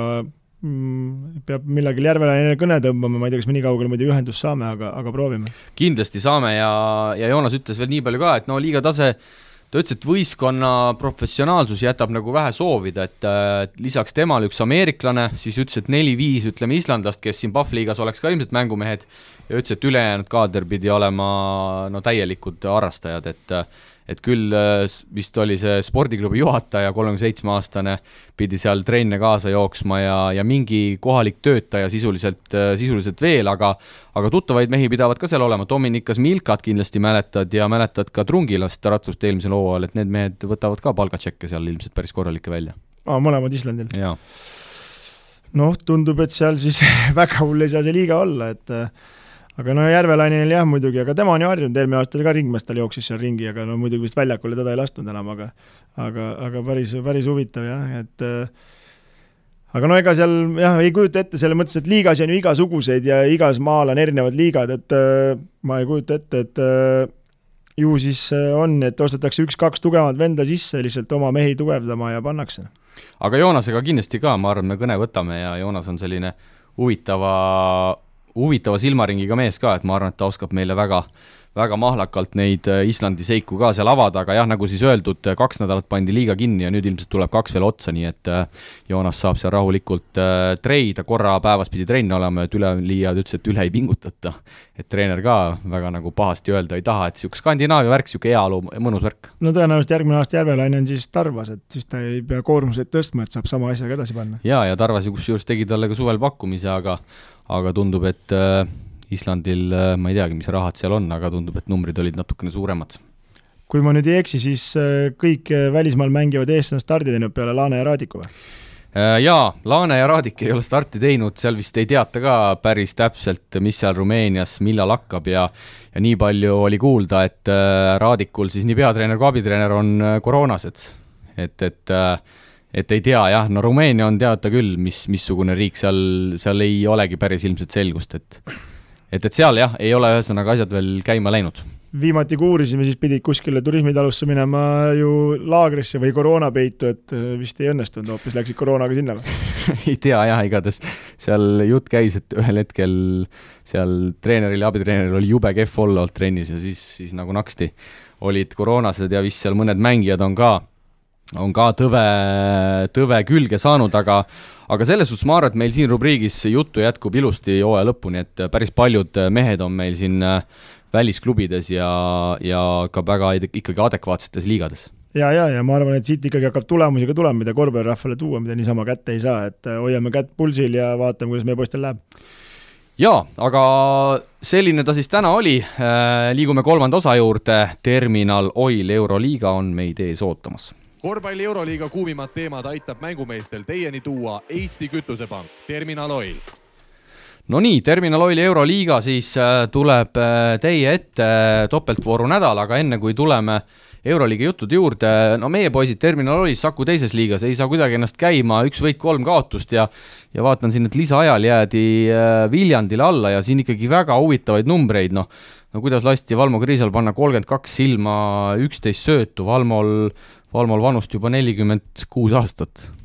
Vamme vanane, Vamme vanane raudla. ja, ja Madis Soodla kolmikduubel, kümme punkti, seitseteist lauda, kaksteist äh, söötu, mis toimub? no see on kosmos juba, see tuleb kosmose valdkonnast, aga Vamme vanane, et äh, aga Terminali poisid ikkagi tublid ju, ikkagi Vanameister ja Cramo ja kõik on vastas ja ikka pusivad, lisaaeg, lisaaeg, et ei olnud kerge. jaa, Valmo Kriisa siis nelikümmend kolm minutit, nelikümmend viis sekundit, tee järgi, Kristo. sul on veel kümme aastat ja pluss aega no ma ei tea, me, me praegust püüaks mõne võidu saada, me pole lisaajale lähedalegi saanud veel. ja üks mees veel väärib ära märkimist, äh, Vaiko Riives, kes ju ka on kõrgliigas mänginud äh, kolmkümmend kaheksa punkti ja kakskümmend kolm lauda, et sealt äh, Saku teisest liigast tuleb ikka uskumatuid numbreid tänavusel hooajal no midagi jäi näppude vahele, et ütleme jah, päris korralik kaksik lii-, kaksikduubel, et natukene, natukene huvitav, jah. aga jaa, Saku teises liigas siis on ka mängud äh, käima läinud, nagu öeldud, meie sõbrad Terminalist ka seal oma meeskonnaga on, on ilusti esindatud, hetkel siis üks võit, kolm kaotust, jaguvad seal Alutagusega kaheksandat, üheksandat kohta. esimene on äh, kindlalt sinu sõber äh, Jaanis Vahter Siirise meeskonnast, neli võitu neljast mängust, tundub, et tundub, et nemad ikkagi lähevad sel hooajal oma teed ja ma sain aru, et neil pidi olema eesmärk ka vist esiliigasse välja pressida mm,. seda ma ei tea, aga ma kardan, et kui Vahter nii või võimsalt edasi paneb, nagu ta siiamaani pannud on. võetakse ära? jaa, Rapla. Rapla, Raplal on vaja Just. Raplal on vaja, et äh, ma arvan, et vana rasva pealt mõned kolmesed veel sisse paneb. ja Hito siis kohe nende järel, kahest mängust kaks võitu, nemad siis kukkusid esiliigast eelmisel hooajal välja, sel hooajal Saku teises liigas äh, üksteist meeskonda. Äh, aga tuleme Euroliiga juttude juurde, kaldusime siin veidi teemast eemale, aga oma poistel peame ikka ka silma peal hoidma, topeltvooru nädal, Kristo, mis, mis näppude vahele jäi, no uskumatult üles-alla käib see asi ikka, ikkagi osadel meeskondadel vist võib nagu öelda, selle vooru iseloomustuseks? no ma ei tea, kas öelda üles-alla, ütleme nii, et uskumatuid tulemusi tuli küll siin, et äh, võta üks ja viska teist, et need ikka jätkus jaa, kindlasti äh, tuleme nende juurde, no kõigepealt räägime üldiselt, seniidi ja Asveli mängud jäid ära ja seal virutati kohe null kakskümmend, aga lõpuks ikkagi Euroliiga võttis mõistuse pähe ja, ja otsustas, et rohkem null kakskümmend ei määrata, aga Imki, toredad poisid, äh, kraapisid kõik äh, ihuliikmed kokku, läksid, tegid selle Hispaania reisi ära, said kaks nähvakat, tegelikult mängisid päris tublisti. et äh, Imki nüüd küsib, aga što? Imki praegust küsib, et millal McCollum keldrist välja tuleb, et seda küsib ka veel, ma arvan, et see on ikkagi äh, ma ei kujuta ette, no ütleme, roster on niisugune, et võiks Final Fouri tiim olla, on ju, ja siis mängivad Od-, Odinokid või mis need on, need isegi nimed ei jää meelde, mingid vene poisid, mitte pahasti ei pannud muidugi, aga ei, Odinokov pani väga Odi,, väga hästi. Odinokov oli jah, et et ja mul muidugi sellest rootslasest on ka väga, Jerebrekost on ikka, Jebrekost on ka ikka väga kahju, et mees paneb koos selle puukeriga üles-alla, neljapäeval pole ühtegi vahetust ka, et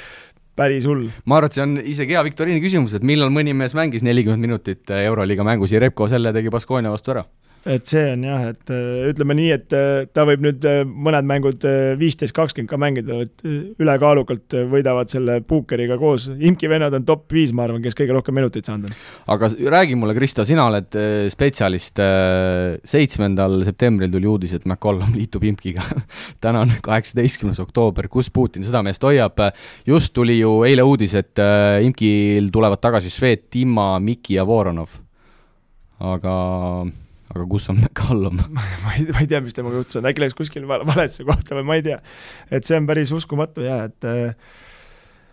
aga aga see on muidugi imki probleem selles. see on imki probleem, aga ma võtaks mütsi maha selles mõttes imki vendade ees, et nad on ikkagi südilt vastu hakanud kellelgi, ütleme nii, et Salgeris käis neist kodus üle suhteliselt nagu kergelt, et äh, mänglevalt, aga ülejäänud on ikkagi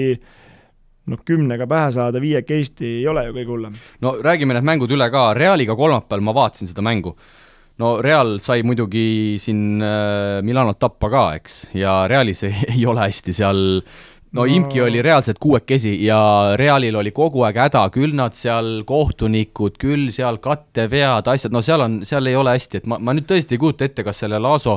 jalgealune saab tuline olla, ta on ikkagi nii head tööd seal teinud ja nii kaua klubis olnud, aga seal mehed pööritavad ilusti ka silmi praegu. No ütleme nii, et Real on täiskaerad, no see ikka vihale, ma vaatasin seda Milanoga mängu ja ma mõtlesin seda millal see Pablo Lassa lahti lastakse, et sa juhid üheteistkümnega ja siis sa paned väljakule Abalde, siis oli tagumine Laparvito. Laprovitola. Laprovitola, siis paned selle number kuueteistkümne, see no Karuba, eks, siis paned äh, mingid kaks, äh, mingit Tavarese pani vist, siis pani mingi venna veel ja laseb kümme minutit mängida, rong läheb kogu aeg teisele poole. kogu aeg sõidab rong teisele poole ja vend laseb ja laseb ja siis teeb vahet, see peab Rudi Fernandese, kelle parim enne on ammu möödas. ja lihtsalt tambivad koha peal ja, ja siis Rodriguez teiselt poolt hakkas niimoodi lammutama, et seal enam ei olnudki midagi teha, et täiesti maha mängitud, täielikult, täielikult treeneri kaotus, et mingit rütmi seal ei ole, jah ja no seitsekümmend punkti jälle Real, no see ei ole, okei okay,, Imkile vaid üheksakümmend neli, aga no sellele Imkile oleks ilmselt äh, võib-olla äh, ma ei tea, Tarvas ka üheksakümmend neli pannud, eks naljaga pooleks äh, öelduna, mitte et ma siin Tarva kohta midagi, midagi halvasti tahame öelda, aga see on ma natuke tagasi ja isegi Graamo ei pannud neile üheksakümmend neli. ei no jah, ühesõnaga piltlik näide siin lihtsalt, äh, Tarvas oli esimene võistkond, kes mulle Pahvligast äh, pähe tuli, aga Milanole seitsekümmend ja nad mängiti, nagu sa ütlesid, mängiti see mäng lihtsalt maha ja ja uudis ju veel ka, et Fabian Cosseur nüüd on koroonane ka, et et ma ei tea, seal on nagu mõttekohta kõvasti üks-kolm nad on hetkel siis tabelis, noh sellest tabelist väga palju ei ole mõtet rääkida siin, kellel on kellega mängitud ja nii edasi, aga aga fakt on see, et äh, Real istub seal äh, kaheteistkümnendast, vabandust, kolmeteistkümnendast kuni kuueteistkümnendani praegu. no ütleme, et hetkeseisul vaadates neil top kaheksasse asja pole, et neil ei ole sära silmis, neil, ma ei usu, et nad selle, mulle isiklikult tundub, et äh, nad ei leia ka seda. et seal nagu kuidagi seda, ütleme, eelmised aastad on olnud Campazzo vurr, paneb selle asja käima, visked, värgid, särgid aga kui need Abalded ja Karubad mängivad, siis see pole, see pole see Real. ja lugesin siin ühte Gustavo Ajoni intervjuud ka, kus äh, mees siis läks Mehhikosse mängima ja, ja kusjuures äh, vanameister oli ennast Realile pakkunud reaalselt, et Realis oli öeldud, kui ta oli ära läinud sealt, et et alati võite tagasi tulla, et oled oodatud ja noh, Ajon mõtles, et kui mulle nii öeldi, et noh, ma siis helistan, et äkki võetakse ja kusjuures öeldi, et sorry, aga aga kõik koroonad, värgid, et rahalised värgid, et meil ei ole sulle kohta, võib-olla ikkagi oleks võinud Ajoni võtta kahju on sellest Tavaresest, ütleme, ta on niisugune pikk jurakas, ta jookseb seal edasi-tagasi, siis ta ei saa palli ja siis vahest harva saab, no sa mängid kakskümmend, ma ei tea, neli minutit või palju Milanoga mängis, no saad kolm korda ülevalt alla panna, need peavad ka ise ründelauast, no et et selles mõttes on ikkagi praegused konspektid väga sassis seal. räägime Barcelonast. Äh nädala esimene mäng, no Valencia pandi kolmandal veerandajal väga muljetavaldavalt lukku, ma olen siin Valenciat kiitnud ette-taha Valencial ma arvan, et praegusel hetkel Euroliigas on üks parimaid rünnakuid ja ja see, ma ei tea, kas sa mängu nägid, aga see, kuidas kolmandal veerandil Partsa kägistas Valencia kaitses ära, äh, Miroticit ei olnud, äh, lätlane Smits asendas väga, väga võimsalt, viisteist silma, visked vist seal olid,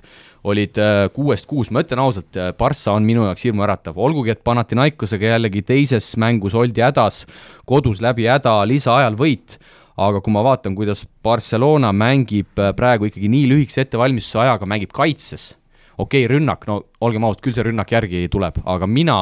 ei näe, kui seal eesliinis on Davis ja Mirotic olemas ja Galates seal taga ja Higins, ma praegu küll ei näe, et siin hooaja lõpus, kui asjad paika loksuvad, et keegi seda meeskonda suudaks sakutada. No peame ootama kõigepealt ära need asjad paika loksuks, et ütleme nii, et Euroliigas on võidud ära võtnud, Äh, eile said siis äh, Saskia Baskonia Barcelona kaheksakümmend kaks, seitsekümmend üks, said sealt tuppa, poole võitsid ühega.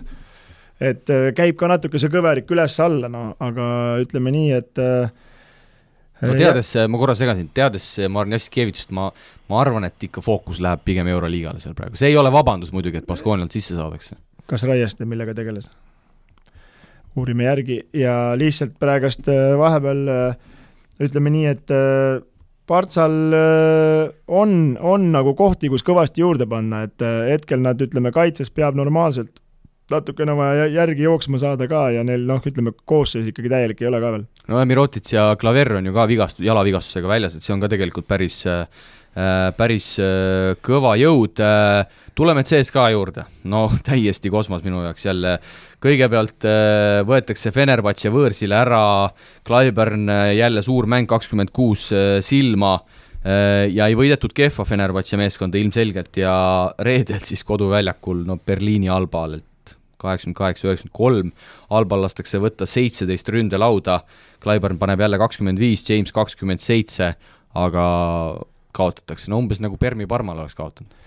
no vaatasin seda mängu ja ütleme nii, et äh, Kleinburg pani viisteist pooleks, James pani seitseteist ja, ja teine poolek täielikult Berliini Alba domineeris, et äh,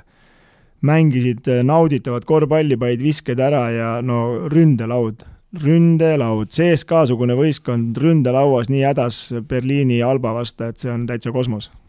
ja no ma ei tea, mis on sinu arvamus hetke Mike Jamesist, aga no kaua Ituudis ja kusjuures mulle tundub, et Ituudis, kui ma teda seal mängu ajal jälgin, ta hoiab ennast praegu robustselt tagasi. ta tahaks tegelikult otse-eetris seal vist selle mehel näo täis sõimata, mulle vähemalt tundub niimoodi, aga ta praegu on suutnud ennast väga palju kontrollida, sest et ütleme, neljast mängust kaks on siin ikkagi James ikkagi äh, kõvasti käkerdanud pigem no pigem on, ütleme nüüd, et äh, esimene mäng neil oli tagasi Milutinov ka, aga see mingit muljet ei jätnud selle Berliini Albaga ja no tükk aega väljas ka, et eks tal mingit vormi ka ei ole, et ütleme nii, et CSKA-l on veel arenemisvõimalust, et äh, küll nad läheb paremaks. aga mis minu jaoks oli kõige müstilisem, mis Venerbatse tegi siis, kaks niisugust kolakat. jaa, Venerbatse kõigepealt siis CSKA vastu, eks äh, noh, ma ei tea, kas ütleme, andis ära, no ikkagi, ikkagi nii ja naa, eks, et äh, seal Ulanovas meil jäi seal CSKA vastu vahele, seal äh, Klaibern, kui selle kaks pluss üks pani, no see, et Veseli seal selle vea tegi ja pall sisse läks, no see oli, ütleme nii, et juba taustamuusika, aga üllataval kombel siis äh, meie Leedu kaitselukk lasi selle Klaiberni sealt vasakult poolt läbi ja ja seal natukene harjumuspäratult nägime Ulanovast kaitses äh, vähe nii-öelda käkerdamas jah, ja see ebaõnnelikult see kaks pluss üks ka veel, aga, aga no okei okay,, seal ütleme, kaks võrdset võistkonda mängivad, ütleme, Decolo seal sai ka muidugi kahe tehnilisega läks välja. oi, sellest see jaa, oli valus. no see teine tehniline, ma ei tea, ma ei ole muidugi kohtunik, aga mina teleka taga seda mängu vaadates, no mina ütleks, et seal oleks võinud jätta vilistamata, seal no mingit kõva floppi seal nüüd küll minu hinnangul ei olnud, et ma, mulle jäi see natukene arusaamatuks, et kohtunikud sellisel hetkel andsid äh, niimoodi tehnilise tehnilise, ma, ma olen suhteliselt kindel, et nad teadsid, et tal on see esimene all, et kas seal oli vaja nüüd seda mängu selle koha pealt, ma ei ütle, et see mängu ära otsustas, aga see muutis mängu päris kõvasti ma jälgisin seda mängu ja kusjuures ma ei pannud tähele, kus ta, mille eest ta selle esimese tehnilise sai. vot seda ma ka ei keskjoonel mingi möll käis, tehniline rohkem ei näidanud kordus ka ja teine andis jah floppamise eest, et äh, seal natuke läksid ka konspektid sassi, aga, aga jah, see oli väga valus äh, löök, ütleme nii-öelda Fenerbahce'le, et ta oli just üksipäine seda praktiliselt tassinud seal ja oli just kuumaks minemas, et äh, see oli ka muidugi halvasti, aga aga no see ei ole vabandus, Fenerbahce, äh, Bayern nelikümmend viis, kakskümmend viis poolaeg ja kaheksakümmend viis, kaheksakümmend kaks tuppa no seitsekümmend üks, seitsekümmend viis, vabandust. see on umbes nagu, see on umbes nagu CSKA Parma et koduväljakul, okei okay,, Fenerbahce'l publikut ei ole, eks see on natukene teine story muidugi, see on niisugune treeningmängu õhkkond jälle, aga aga ma olen sinuga nõus, äh, niimoodi ära anda äh, no muidugi võimas mäng Vladimir Lussitšilt, äh, üldse siis nädala MVP-ks valiti serblane, paugutas siin, siin kõvasti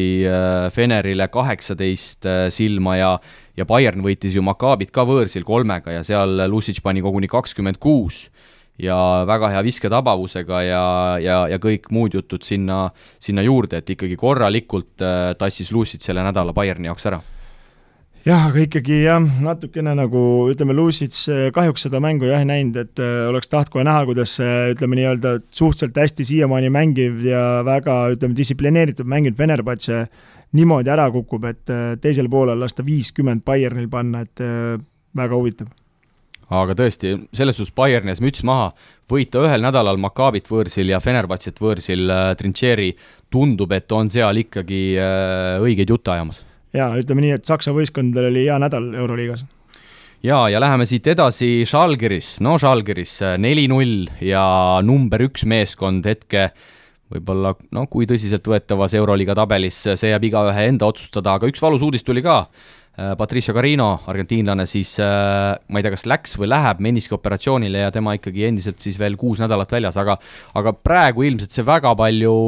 tuska Schillerile ei valmista, et et meeskond mängib hea energiaga, meeskond, ma rõhutaks, jagab väga hästi palli väljakul ja kõik on tipp-topp, et äh, hetkel ütleme nii, et kõige suuremad küsimärgid olid Salgerisel selle treeneri koha peal, hetkel vaatad, et väga julgelt vahetab Jokubaitis on tõmmanud nagu jokri kaardipakist välja, mees toimetab ülienesekindlalt ja kõik on oma rolliga rahul, et et ütleme nii, et kõige tugevama pähklip pole veel vastas olnud, aga, aga neli-null on see muljetavaldav. Kuule, räägi nüüd see Anatoolu pealiku Atamanni jonn ka lahti, et mis nüüd häda on siis, viis tuhat sai Žalgiris saali lasta ja kohe on, kõik on jube ebaaus, äkki vaataks enda koosseisu ja võrdleks Žalgirise koosseisuga ja siis mõtleks uuesti. Ma tahtsin just selleni jõuda, et kas sa arvad, et seal oli viis tuhat, ma arvan, et see oli kümme, no ma ei tea, telekapildist nagu tundub, või siis teine korrus oli kinni, et ma olen ühe korra seal saalis käinud eelmine aasta CSKA-ga mängu vaatamas, et äh, tundus nagu jube palju, et seal nagu viis tuhat nagu tundus väga vähe, aga no Anatoolu ju ma ei tea, midagi, midagi hästi ei teinud, et äh, no niisugune, niisugune naiivne jonn nagu, et ma niisuguse No vabandust kaliibriga otsimine. treenerilt ma ei ootaks sellist asja ausalt öeldes. no ma ei tea jah, et ütleme nii, et see nagu näitab ikkagi, et ta ei ole võib-olla päris see A-kategooria treener ka seal Euroliigas. ütleme nii, et vana, vana mees, vana see, mis selle Ataman on tagasi, et äh, siis, kui ta seal Galatasarais ja seal äh, puterdas, siis ta ka kogu aeg jonnis, et äh, siis kaks aastat läks jube hästi, see oli kõik näpud püsti, andis intervjuus, et nüüd hakkab jälle jonnima, et äh, aga hõre, hõre, ütleme, Larkinit pole, on neil see tagaliin ikka kaunis hõre ja Misits pidi ikka no nii palju ju selle palliga treima ja muidugi head survet pani ka Salgeris ja no seal ma ei näinud isegi varianti.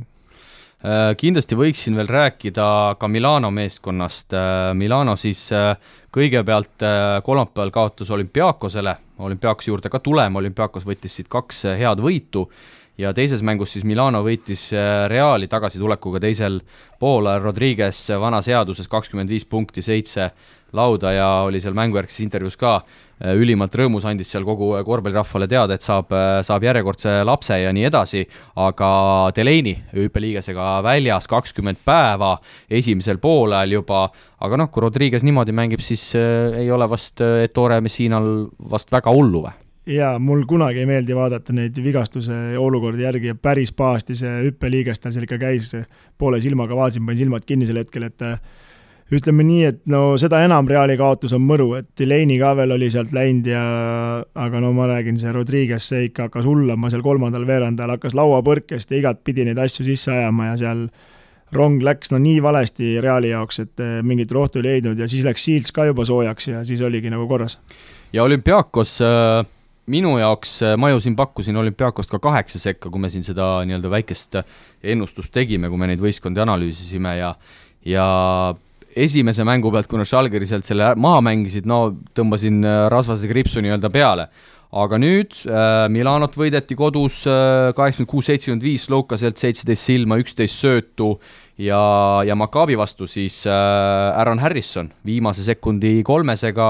võeti kolmepunktiline võit ja, ja seal ka tundub, et nüüd vaikselt äh, lähevad nagu asjad äh, paremuse poole. ma vaatasin selle viimase kolmese üle ka, mis sealt see tabas ja seal kehakeel tervel võistkonnal rääkis, et need hingavad ikka jumala ühte rütmi, et äh, treener hüppas, kallistas nagu noh, nagu oleks Final Fouri viinud vise või mida, midagi sellist, et midagi suurt, et äh, see näitab, et see tiim hoiab kokku ja neid ei saa alahinnata, et olümpiaakos on ütleme, väga ohtlik. Mm, panin just täpselt sama asja tähele, et kuidagi sellest kehakeelest pärast seda viset oli nagu näha, aga muidugi nad tahtsid seal ju maha mängida, ma ei tea, palju seda lõppu nägid, aga kõigepealt nad olid kolme G-s ja siis nad lasid Wilbekinil, vist oli seal lihtsa kolmese vastu panna, aga no õnneks viimane sõna siis jäi jäi Harrisonile. Uue nädala mängud, meil on siis äh, neljapäev-reede jälle äh,, vaatame siit äh, kiirelt üle, Zenit Milano, noh loodetavasti üldse toimub, eks, Žalgiris võtab nüüd kodus Valencia rinnale, no Mart Valencia pärast seda pärast seda Barca kaotust on päris näljane, sest neil jäi ju see teine mäng Zenidiga ära, sest et selles voorus jäi ju neli mängu ära, Asveli mängud ja Zenidi mängud, nii et Valenciaga kindlasti kas sealt võib esimene komistamine Schilleril tulla? ütleme nii, et kui tulebki, pole hullu, aga, aga see on esimene proovikivi neil, et õnneks saavad kodus mängida, hea tuhh on üleval, et kindlasti mänguks läheb ja vaatame, kas tõesti jätkavad viis-nulliga. siis veel neljapäeval Berliini Alp Baskonia, noh, Baskonia võiks ju sealt ikkagi ikkagi võiduga tulla, aga no Alba võitis võõrsilt CSKA-d, et siin midagi kindlat sisse kirjutatud ei ole. Albal praegust hea emotsioon ja, ja tõesti hästi mängisid ja jagasid palli ja see Rootsi poiss äh, Erikson. Ja Erikson pani ju sealt neid viskeid ka kõik kotti, mis anti kätte ja ja seal midagi kerget kindlasti Baskoonial pole. Panathinaikos Fenerbahce, no Fenerbahce sai kaks kaotust järjest nüüd kodus, kindlasti minnakse sinna, sinna Ateenasse nüüd võidu järele, see on vaja sealt võtta nojah, aga samas Panal on ka hea emotsioon all, et Barcelonaga mängisid lisaaega, küll kaotasid, aga aga, aga no ütleme nii, et Pana on niisugune natuke nagu Tallinna Kalevi moodi tiim, et palju nagu niisuguseid individualiste, aga, aga võib hea tulemus heal päeval tulla ja siis veel neljapäeval lõppu Zvezda CSKA ja reedel neli mängu Himki, Maccabi Himki saab nüüd siis lõpuks ka koju mängima. Anatoolu võtab kodus siis noh, kas võtab Asveli vastu, ei tea, kuidas seal selle Covidiga on, Bayern madistab kodus olümpiaakosega ja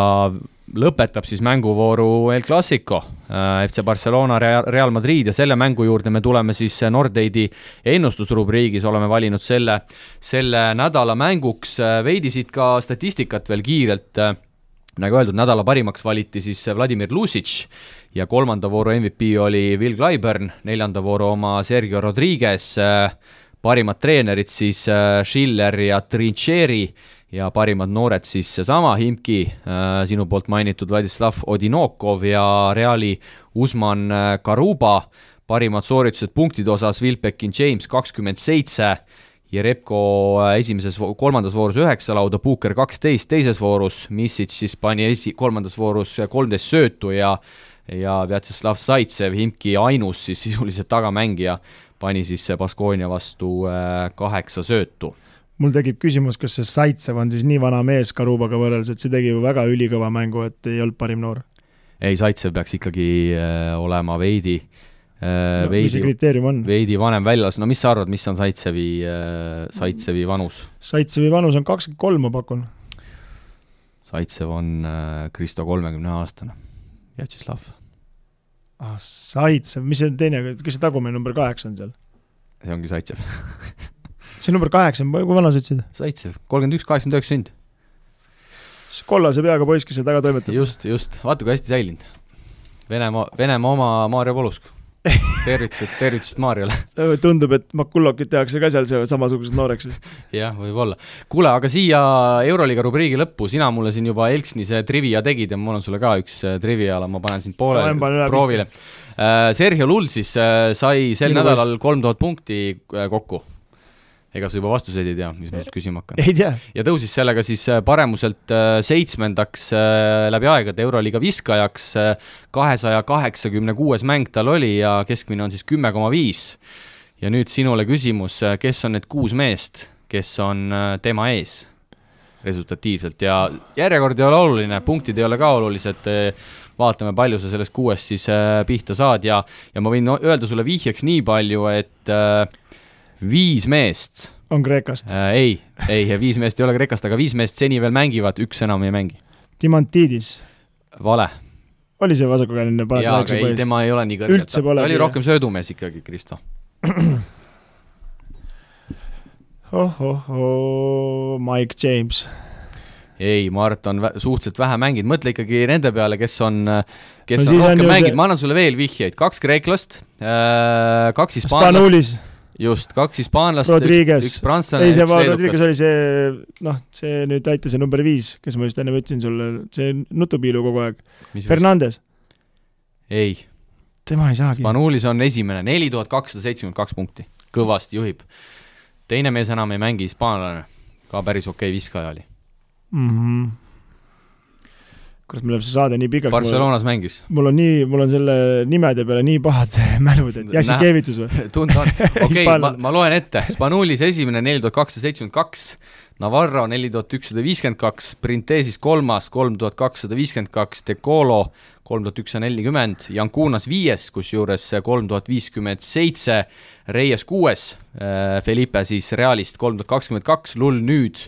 seitsmes, kaheksas Sergio Rodriguez, kaks tuhat kaheksasada viiskümmend kuus, Milos Teodosic, kes siis tänasel päeval Euroliigas ei mängi, kaks tuhat kaheksasada seitse ja Ante Tomic lõpetab esikümne kahe tuhande seitsmesaja kaheksakümne punktiga, aga ma ütlen ausalt, ma oleks sinust oodanud ikkagi jaa, väga häbiväärne, et Navarro nimi meelde ei tulnud, et see on, see on küll väga häbiväärne. Aga okei okay,, aeg, aeg tegelikult ei suru takka, aga, aga läheme siit äh, kiirelt edasi siis juba Kalev Cramo ja VTB Ühisliiga juttudega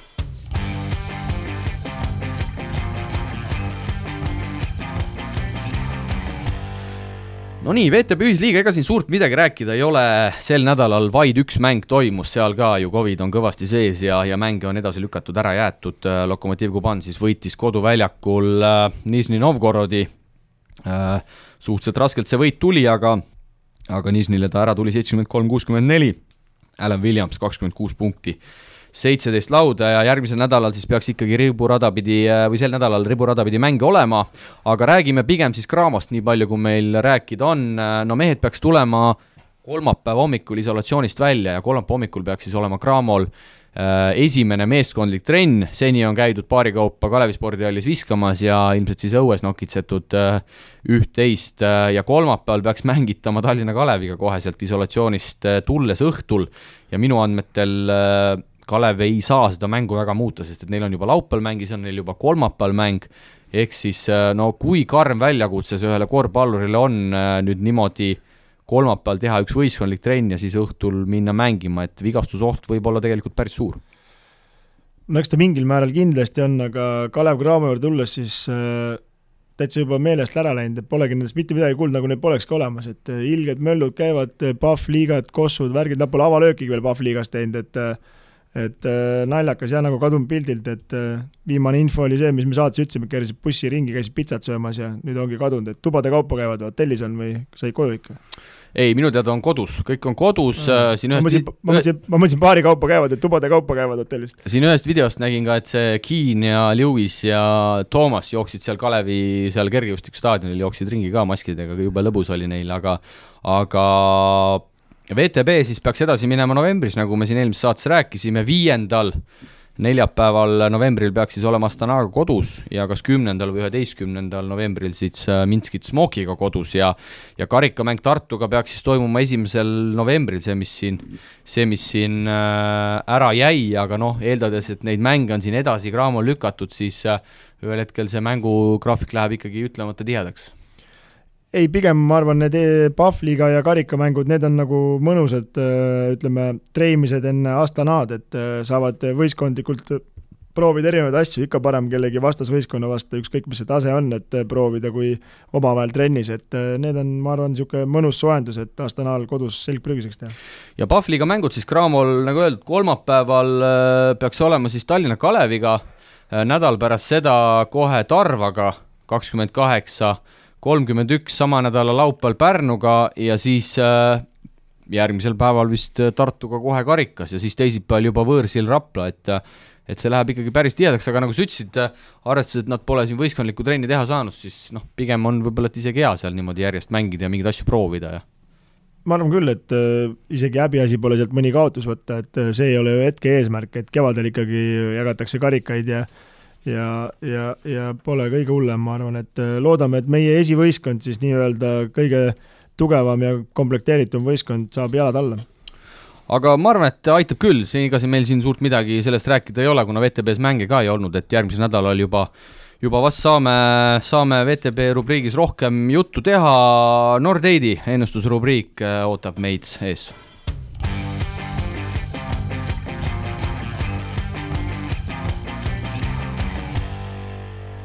ja eelmise nädala mäng siis äh, Victoria Baskonia ja Moskva Himki.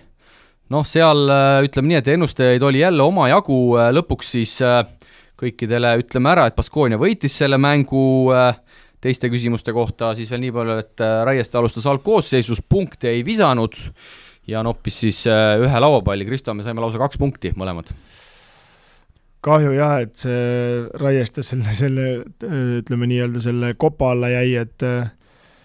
oli, olid juba nii-öelda rõõmustamas teleka ees, et kolmas punkt tuleb? et jah, et äh, olin jah, aga tänu sellele ebaõnnestunud üritusele ka mänguminutid vajusid kokku ja ei tulnudki midagi rohkem. aga nüüd, kui sellest mängust rääkida, me siin Euroliiga rubriigis võib-olla sellel ülemäära palju ei peatunud, et äh, ikkagi kuna ta on kaitsesuunitlusega sinna algkoosseisu pandud ja, ja kaks kaheksa jäädi kohe taha, siis ta kahe poole minuti järel sealt äh, ära võeti, et, et ja rohkem ei, rohkem ei tulnudki kahjuks ma vahepeal vist olen midagi maha maganud, aga kas Koorits oli ennem ka seal taga juba olemas? Koorits oli, Zoran Kor- äh,, Zoran Dragic oli vigastatud ja, ja ta oli vigastatud, ta seal hooaja alguses oli, sai vigastada, aga nagu näeme, nüüd ta on tagasi ja mängis päris suuri minuteid juba. ja mängibki Raieste koha peal ka ja, ja see on nagu see, pigem see põhjus, et äh, miks temal need minutid nagu rohkem ära kadusid, et äh, aga võitleme edasi, ma arvan. ja on ka pigem kaitsemees, et selles suhtes, et niisugune otsene konkurent, ma arvan no vähe teravam pliiats, ütleme esialgu veel rünnakul ka, et ütleme, seda kogemust tal on ja, ja, ja neid nina nende korvide peal on rohkem, jah. Aga veidi statistikat ka, no kõik vastajad olid üsna optimistlikud ja eks oli põhjust ka, vaadates Simki koosseisu, kaheksakümmend viis protsenti pakkus siis Baskonia võitu, algkoosseisu kohta pakkus Raiestele koguni kaheksakümmend kuus protsenti vastanutes, vastanutest. kuuskümmend kuus protsenti arvas, et Sander viskab punkte ehk siis enamus eksis ja enim pakuti, et Sander nopib ühe- kolm lauapalli, kolmkümmend viis vastanut, aga tegelik äh, number oli siis äh, üks. meil on Kristo mõlemal kolm punkti ja ma võin sulle öelda, me jagame viiekümne kolmandat äh, kuni kaheksakümne kolmandat kohta ja kokku on siis punkte saanud sada kuuskümmend neli ennustajat. kuidas sa rahul oled seni oma sooritusega? no ütleme nii, et siiamaani on niisugused äh, ülirasked, niisugused õnne peale olnud äh, küsimused ka, et ei ole siin nagu teadmistega midagi olnud äh, pistmist, aga nüüd, sel nädalal, siin on see, siin tuleb nüüd klass välja, ma ütlen kindlalt neli punkti. jaa, need on äh,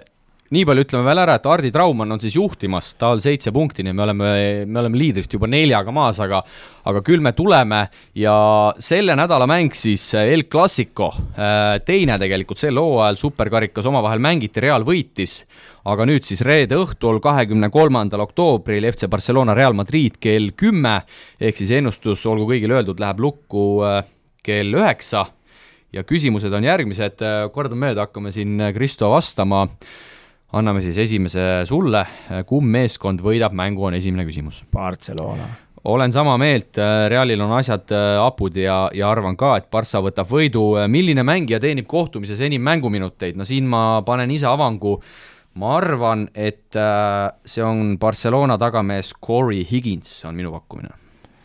väga hea pakkumine. ja see võib olla siis, ütleme kuulajatele ka, see on siis mõlema võistkonna peale, et ei, ei, ennusta võitja poolelt, vaid kes üldse mõlema meeskonna peale teenib enim mänguminuteid. ja väga hea pakkumine sinu poolt, Siim, aga, aga, aga see ei ole õige vastus. õige vastus on Campazzo. selge, sulle jääb Campazzo, mitu resultatiivset söötu jagab Barcelona mängujuht Nick Halates selles mängus? palun. vastus muuta saab ka või? Eelmist? ei saa. okei okay,, jääb nii siis. Nikolates. ei, Partsa meedia, pane ära üksteist. üksteist? sa ei kuulnud või? üksteist söötu või? üksteist. ohoh, mina ütlen kuus äh, kuus, äh, mitu vahetlõiget sooritab Real Madridi mängujuht Facundo Campazzo, vahetlõiget siis toonitan, mina ütlen kolm vahetlõiget teeb Campazzo. hea pakkumine null. null, okei okay., ehk siis Capazzo mängib kõige rohkem minuteid ja ei saa ühtegi vahetlõiget, suhteliselt loogiline eksperdi, eksperdi arvamus sinu poolt. aga ei ole hullu. tahad sa, tahad sa veel, tahad sa veel ma ei tahaks eksperdi... Capazzot panna, ma panin natukene mööda. okei, okei, äh, ma olen solidaarne saatejuht äh, oma kaassaatejuhi yeah, suhtes yeah.. Nikolates. Nikolates, enim minuteid yeah, siis ja Capazzo yeah. null äh, vahetlõiget yeah,, okei okay.. aga ära unusta, et ma, ma tulin sulle vastu ja ja ootan siis tei-, teinekord sama. et annan ühe punkti sulle, kui ma neli saan või? jaa, aga veel eelmisest nädalast rääkides, siis äh, kaks mängijat panid neljast neli, respekt, ja, ja auhinna saab siis äh, Koit Kalmus, Koit Kalmus äh, on meie varajane kuulaja, esmaspäeva hommikul üheksa kolmkümmend viis on oma vastuse andnud ja teine mees siis või naine, Petre Põldmaa pani oma ennustuse õhtul kakskümmend kaks, kolmkümmend kuus, aga ka neli punkti, aga jah, auhind läheb äh, Koidule, sest et äh, nagu meil reeglites kirjas on, kes esimese ennus-, ennustuse paneb, see saab auhinna kätte. Koit jagab mängu? Koit jagab mängu äh,, Koit on varajane kuulaja ja Koidule siis Nordeidi vitamiinikomplekt ja Koit on meiega juba ühendust võtnud, Koit saab oma D-vitamiinid ja tsingid ja B-vitamiini komplektid kätte mõnusad äh, sprei toidulisandid, mida on, äh, mida on hea kasutada, nii et, nii et äh, kõik on, kõik on aus. mul üks küsimus ka, et Nordeid. nii. vitamiinid. jaa. minu peres ka üks kasutab, mis sa arvad, kes mm.? sa mulle pole toonud, mina ei kasuta, kolm valikuvarianti jääb. ma arvan, et äh, proua. vale vastus, Lebron aa, väike Lebron, okei okay.. poiss üks päev läksin vannituppa, vaatasin, naine võttis selle vitamiinid välja, pani ja oli, ja oli Nordeid? jah, ühe koma kolme aastane. no aga näed, väga ma küsisin naise käest, mis sa paned? no B-vitamiini. ma ütlesin, kus said, apteegist ostis. vaata, ma ütlesin, et meil, meil ka niisugune mäng proua poolt kursiski. ja hea, et sa meelde tuletasid, mul on sulle veel D-vitamiinid ja jutud äh, toomata, et ma kindlasti ja, ja see kinnitab sinu sõnu, et tõesti lihtne on kasutada, et tšups lasi suhu ja oligi korras. jah, ei ole mingit tableti allaneelamist ega ega, ega midagi, midagi muud sellist äh, igatahes äh, nädalamäng on välja kuulutatud, neli küsimust, neli punkti maksimaalselt võimalik teenida. Äh, lingi, kust ennustada, leiate siis nagu ikka meie Facebookist või, või SoundCloudist, nii et äh, andke kuuma võimalus võita Nordeidi vitamiinikomplekt ja, ja toonitame veel, et jõuludeni siis meil see asi siin käib, vaatame ka üldseisu ja esimesele kolmele siis lõpparvestuses tulevad juba märksa suuremad Nordeidi toidulisandite kogused. Ehk siis sisuliselt äh, aasta aega on, on selles osas äh, muretu. ja viimane rubriik siis, nagu ikka, lõpetame saate Poolsi kuulajate küsimustega ja, ja kohe-kohe siis oleme kolme küsimusega taas teie kõrvus kuulaja küsimus mängule paneb õla alla Ballsi, parima valikuga ketsipood Eestis. tutvu valikuga www.ballsi.eu. Nonii, ja varsti siis koondise mängud ka, Kristo, äh, on tulemas ja kuna koondise akna mull pole enam mägede taga, siis, siis ma arvan, et aeg on mõtlema hakata, kuidas Saku Suurhall taas värviliseks teha, ehk siis sinimustvalgeks ja ja nüüd loodetavasti rahvas sinna saali ka lastakse ja meie siin vahepeal ei ole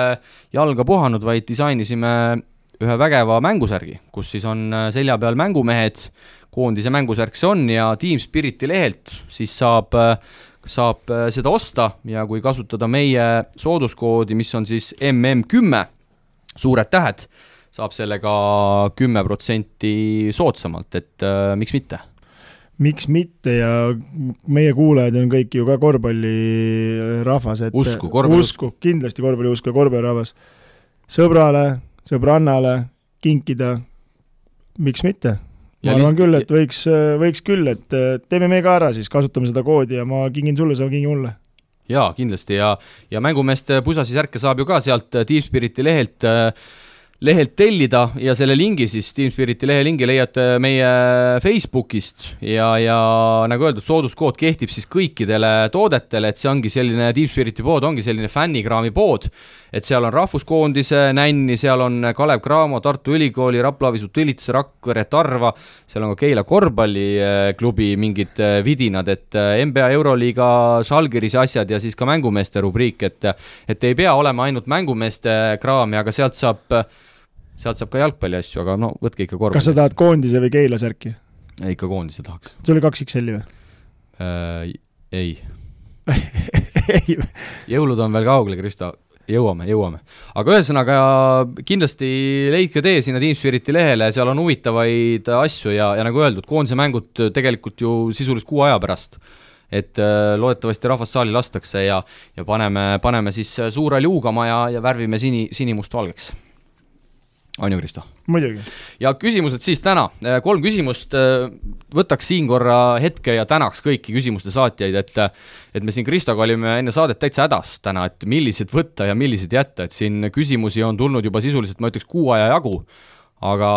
kuidagi peame, peame siis äh, selgitama, millised võtta, raske südamega see, me selle valiku tegime ja proovime siis võimalikult äh, hästi need ära vastata. küsimus number üks, äh, katte-kattest olukord ja pikk saab vea. kas ikka alati saab kattepanijat süüdistada? üheksakümmend üheksa protsenti juhtudest seda öeldakse, kuigi minu arust on see tihti lihtsate asjade tagajärg. kui raudla paneb katte ja saage ei vea oma meest korralikult kattesse kinni siis jah, raudla saab vea. aga tegelikult on see saagepakk või kuidas? rääkige see element pisut lahti ja kuivõrd seda valesti tõlgendatakse just kõrvaltvaatajate pilgu läbi ja küsib Marko, väga hea küsimus, ma mainin siinkohal. väga hea küsimus, muidugi natukene on valesti läinud, et siin ju praegust lühike paneb pikale katte, et kuidas siis? raudla paneb sagele katte. tead, mis on kõigepealt juba viga, mille ma tahan ära parandada, kate kattest ärme palun ütle see on, see on kuskilt, ma ei tea, kust arhailine väljend ja tegelikult, kui sa nüüd mõtled kate kattest, mis asi see on, see on pigem, et sa paned katte ja siis liigud. või no ühesõnaga see, või saan ma ain-, ainsana valesti aru, et see ei ole tegelikult mis sa tahad öelda? Pick and roll, midagi pole teha, meil ei ole eesti keeles vist paremat väljendit, meil on siin küll üritatud vist midagi luua, aga no ütleme jah, ütleme kate kattest on jah, et ilma pallita, ütleme kate kattest võiks olla ilma pallita või? no kate kattest, see tähendab ühesõnaga, et näiteks, näiteks paned korvi all pikale katte ja siis läheb, paned neljakümne viiele veel ühe katte edasi, mis lõikab alla just. nagu, et see on nagu, et äh, mingi ka niisugune olukord võib-olla aga, aga see selleks. no vahet ei ole, palliga mängib, me, me saime aru ikkagi, nii tu-, tummad me ei ole. Et äh, siin kindlasti on äh, tagamängija ka süüdi, ütleme, et äh, pikk on sel hetkel süüdi, kui ta tagamängija, no minu arvamus, seda on hästi palju tuleb ette ja hästi palju tuleb selle pärast vigu, pikk püüab üli nagu püüdlik olla, vaatab tagamängija ei too nagu venda kattesse kinni, eks, ja siis ta teeb selle puusanõksu ja siis tulebki katteviga, eks. aga no ütleme nii omas kogemuses ka, et kui on niisugune agressiivne kaitse peal, ütleme, no ma ei tea, Tarvaga mängid, lähed Craamoga mängima, eks siin on ju klassivahe, tuleb ilmselgelt välja, kes kuidas kaitse mängib, on ju. et äh, ja siis Cramo astub sul jõuliselt välja, siis sa oled nii hädas oma põrgatamisega juba, sa tahad ruttu ära põgeneda sealt katte juurest, et sa ei mängiks seda olukorda korralikult lõpuni, et äh, tegelikkuses ikkagi oleme ausad ja et see, see on ikka kahe mehe koostöö ja see kvaliteedi näitaja ongi see, et ütleme, hakkame siin piltlikult näites tulema esiliiga, Pahv siis jõuame Graamo juurde ja siis Euroliiga juurde, siis sa näed lihtsalt seda kvaliteedivahet, kuidas seda peab mängima ja kuidas seda ei peaks mängima, ütleme nii, et Pahv liigas ka ütleme, pooled olukorrad tulevad välja, pooled ei tule välja. ja ega mul siin väga lisada ei ole, spetsialist rääkis kõik jutud ära, ma toonitaks ka, et kahe mehe koostöö, et et üksi on väga keeruline, et äh, tagumine peab kattesse viima korralikult ja pikk äh, peab korralikult äh, katte fikseerima, aga aga ma tuleks võib-olla selle juurde, et ma ei tea, kas sa oled sama asja täheldanud äh, just Euroliiga mänge vaadates, jube palju võetakse tänasel päeval kattevigu, et vanasti ei nokitud nii väga, aga praegu ikkagi kõik, kuna pick and roll annab tänasel päeval korvpallimängus kõige suurema eelise, siis reaalselt ülitähelepanelikult, ma vaatan, kohtunikud jälgivad ja ma arvan, et kui me võtame viis aastat tagasi, tunduvalt rohkem on tänasel päeval vilistatakse kattevigu no isegi viimasel nädalal Euroliigas vaatasin, et äh, alguses sa arvagi, mõtled, mis kuradi jama see kohtunikud vilistanud, eks, aga kui korduses näitab, siis sa näed, kuidas pikal korra puus käib, eks. no muidugi paar korda siin ütleme, Hispaania poisid Campazzo jäi ägedalt vahele, aga, aga ikkagi noh, tal jäi õigus, sest kohtunikud ei vaadanud kordust, eks, et äh, ta jookseb ise kattesse, tõmbab pikast ja viskab ennast pikali, on ju, et pikk tegelikkuses ainult seisis, aga ise käis üle puusa ja sealt sai kattevea, et aga, aga milleni ma tahan veel, mida ma tahan nagu öelda, see on katte-katte mängus on ju, või üldse korvpall, kus see kvaliteet välja tuleb, et äh, on ajastus, ajastus, kõik on nagu ajastus ja siis tuleb individuaalne oskus, et äh, kuidas keegi sul söötu näeb, mees paneb lihtsalt ilma pallita katte, kui kaitse mängib valesti, noh, tegelikkuses äh, no mina ei tea, nii nagu, kuidas mina korvpalli mängin, et ma, ma ei mängi nagu selles mõttes mitte rünnakut, vaid ma mängin nagu kaitset, ma jälgin, millega kaitse tegeleb, noh et äh, ma tahan ju kaitsest, äh, kaitsest nagu mööda saada, et ma ootan seda hetke, et kaitse eksiks, noh. aga jah, siin äh, üks kohtunik ka, võin öelda, et Euroopa tasemel meie kohtunik ütles, et et huvitav võrdlus on, et, et kui Euroopas vilistad ja annad kattevea, siis pikk saab kohe aru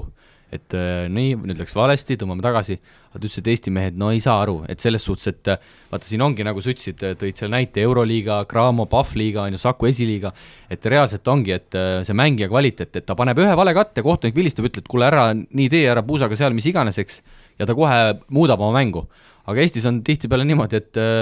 pannakse ühele mehele kahe minutiga kolm katteviga ära ja siis võib-olla hakkab koitma, et kuule, et äkki teeks midagi teistmoodi. jaa, et see ongi, et äh noh, jah, või võib-olla ütleme, ühe-kaks korda vahele ei jää, aga sa noh, ütleme nii, et äh, targad mängijad äh, üldiselt äh, esimese viie minutiga testivad kohtunikud ära ja näevad selle mänguliini, et kui jõuliselt, kuidas mängida võib, ära, et muidugi ma pean muidugi miinuseks tooma selle, et Pahv liigas ikkagi see minu arust see vile tase käib ka nagu nii palju üles-alla, et üks veerandajaga võid ühte teha, teisel veerandil ei või teha, et aga no aga meie see kvaliteet muidugi nii kõva ei ole ka, et me nii kõvad lugejad oleme, et me teaksime nagu, et seda joont, mida hoida nagu, et aga aga põhimõtteliselt on ta nii, jah. Jaa, eks äh, mängijate tasemele vastavalt on ka kohtunike tase, seda on alati, alati öeldud, no kui me räägime headest kattepanijatest, võib-olla natuke lähme siin laiemaks, no minul on alati muljet avaldanud, võib-olla niisugune tavakorvpallisõber nii hästi seda ei näegi, aga aga see, kus Kyle Hines näiteks paneb katteid, no see on, see on natukene teine tase.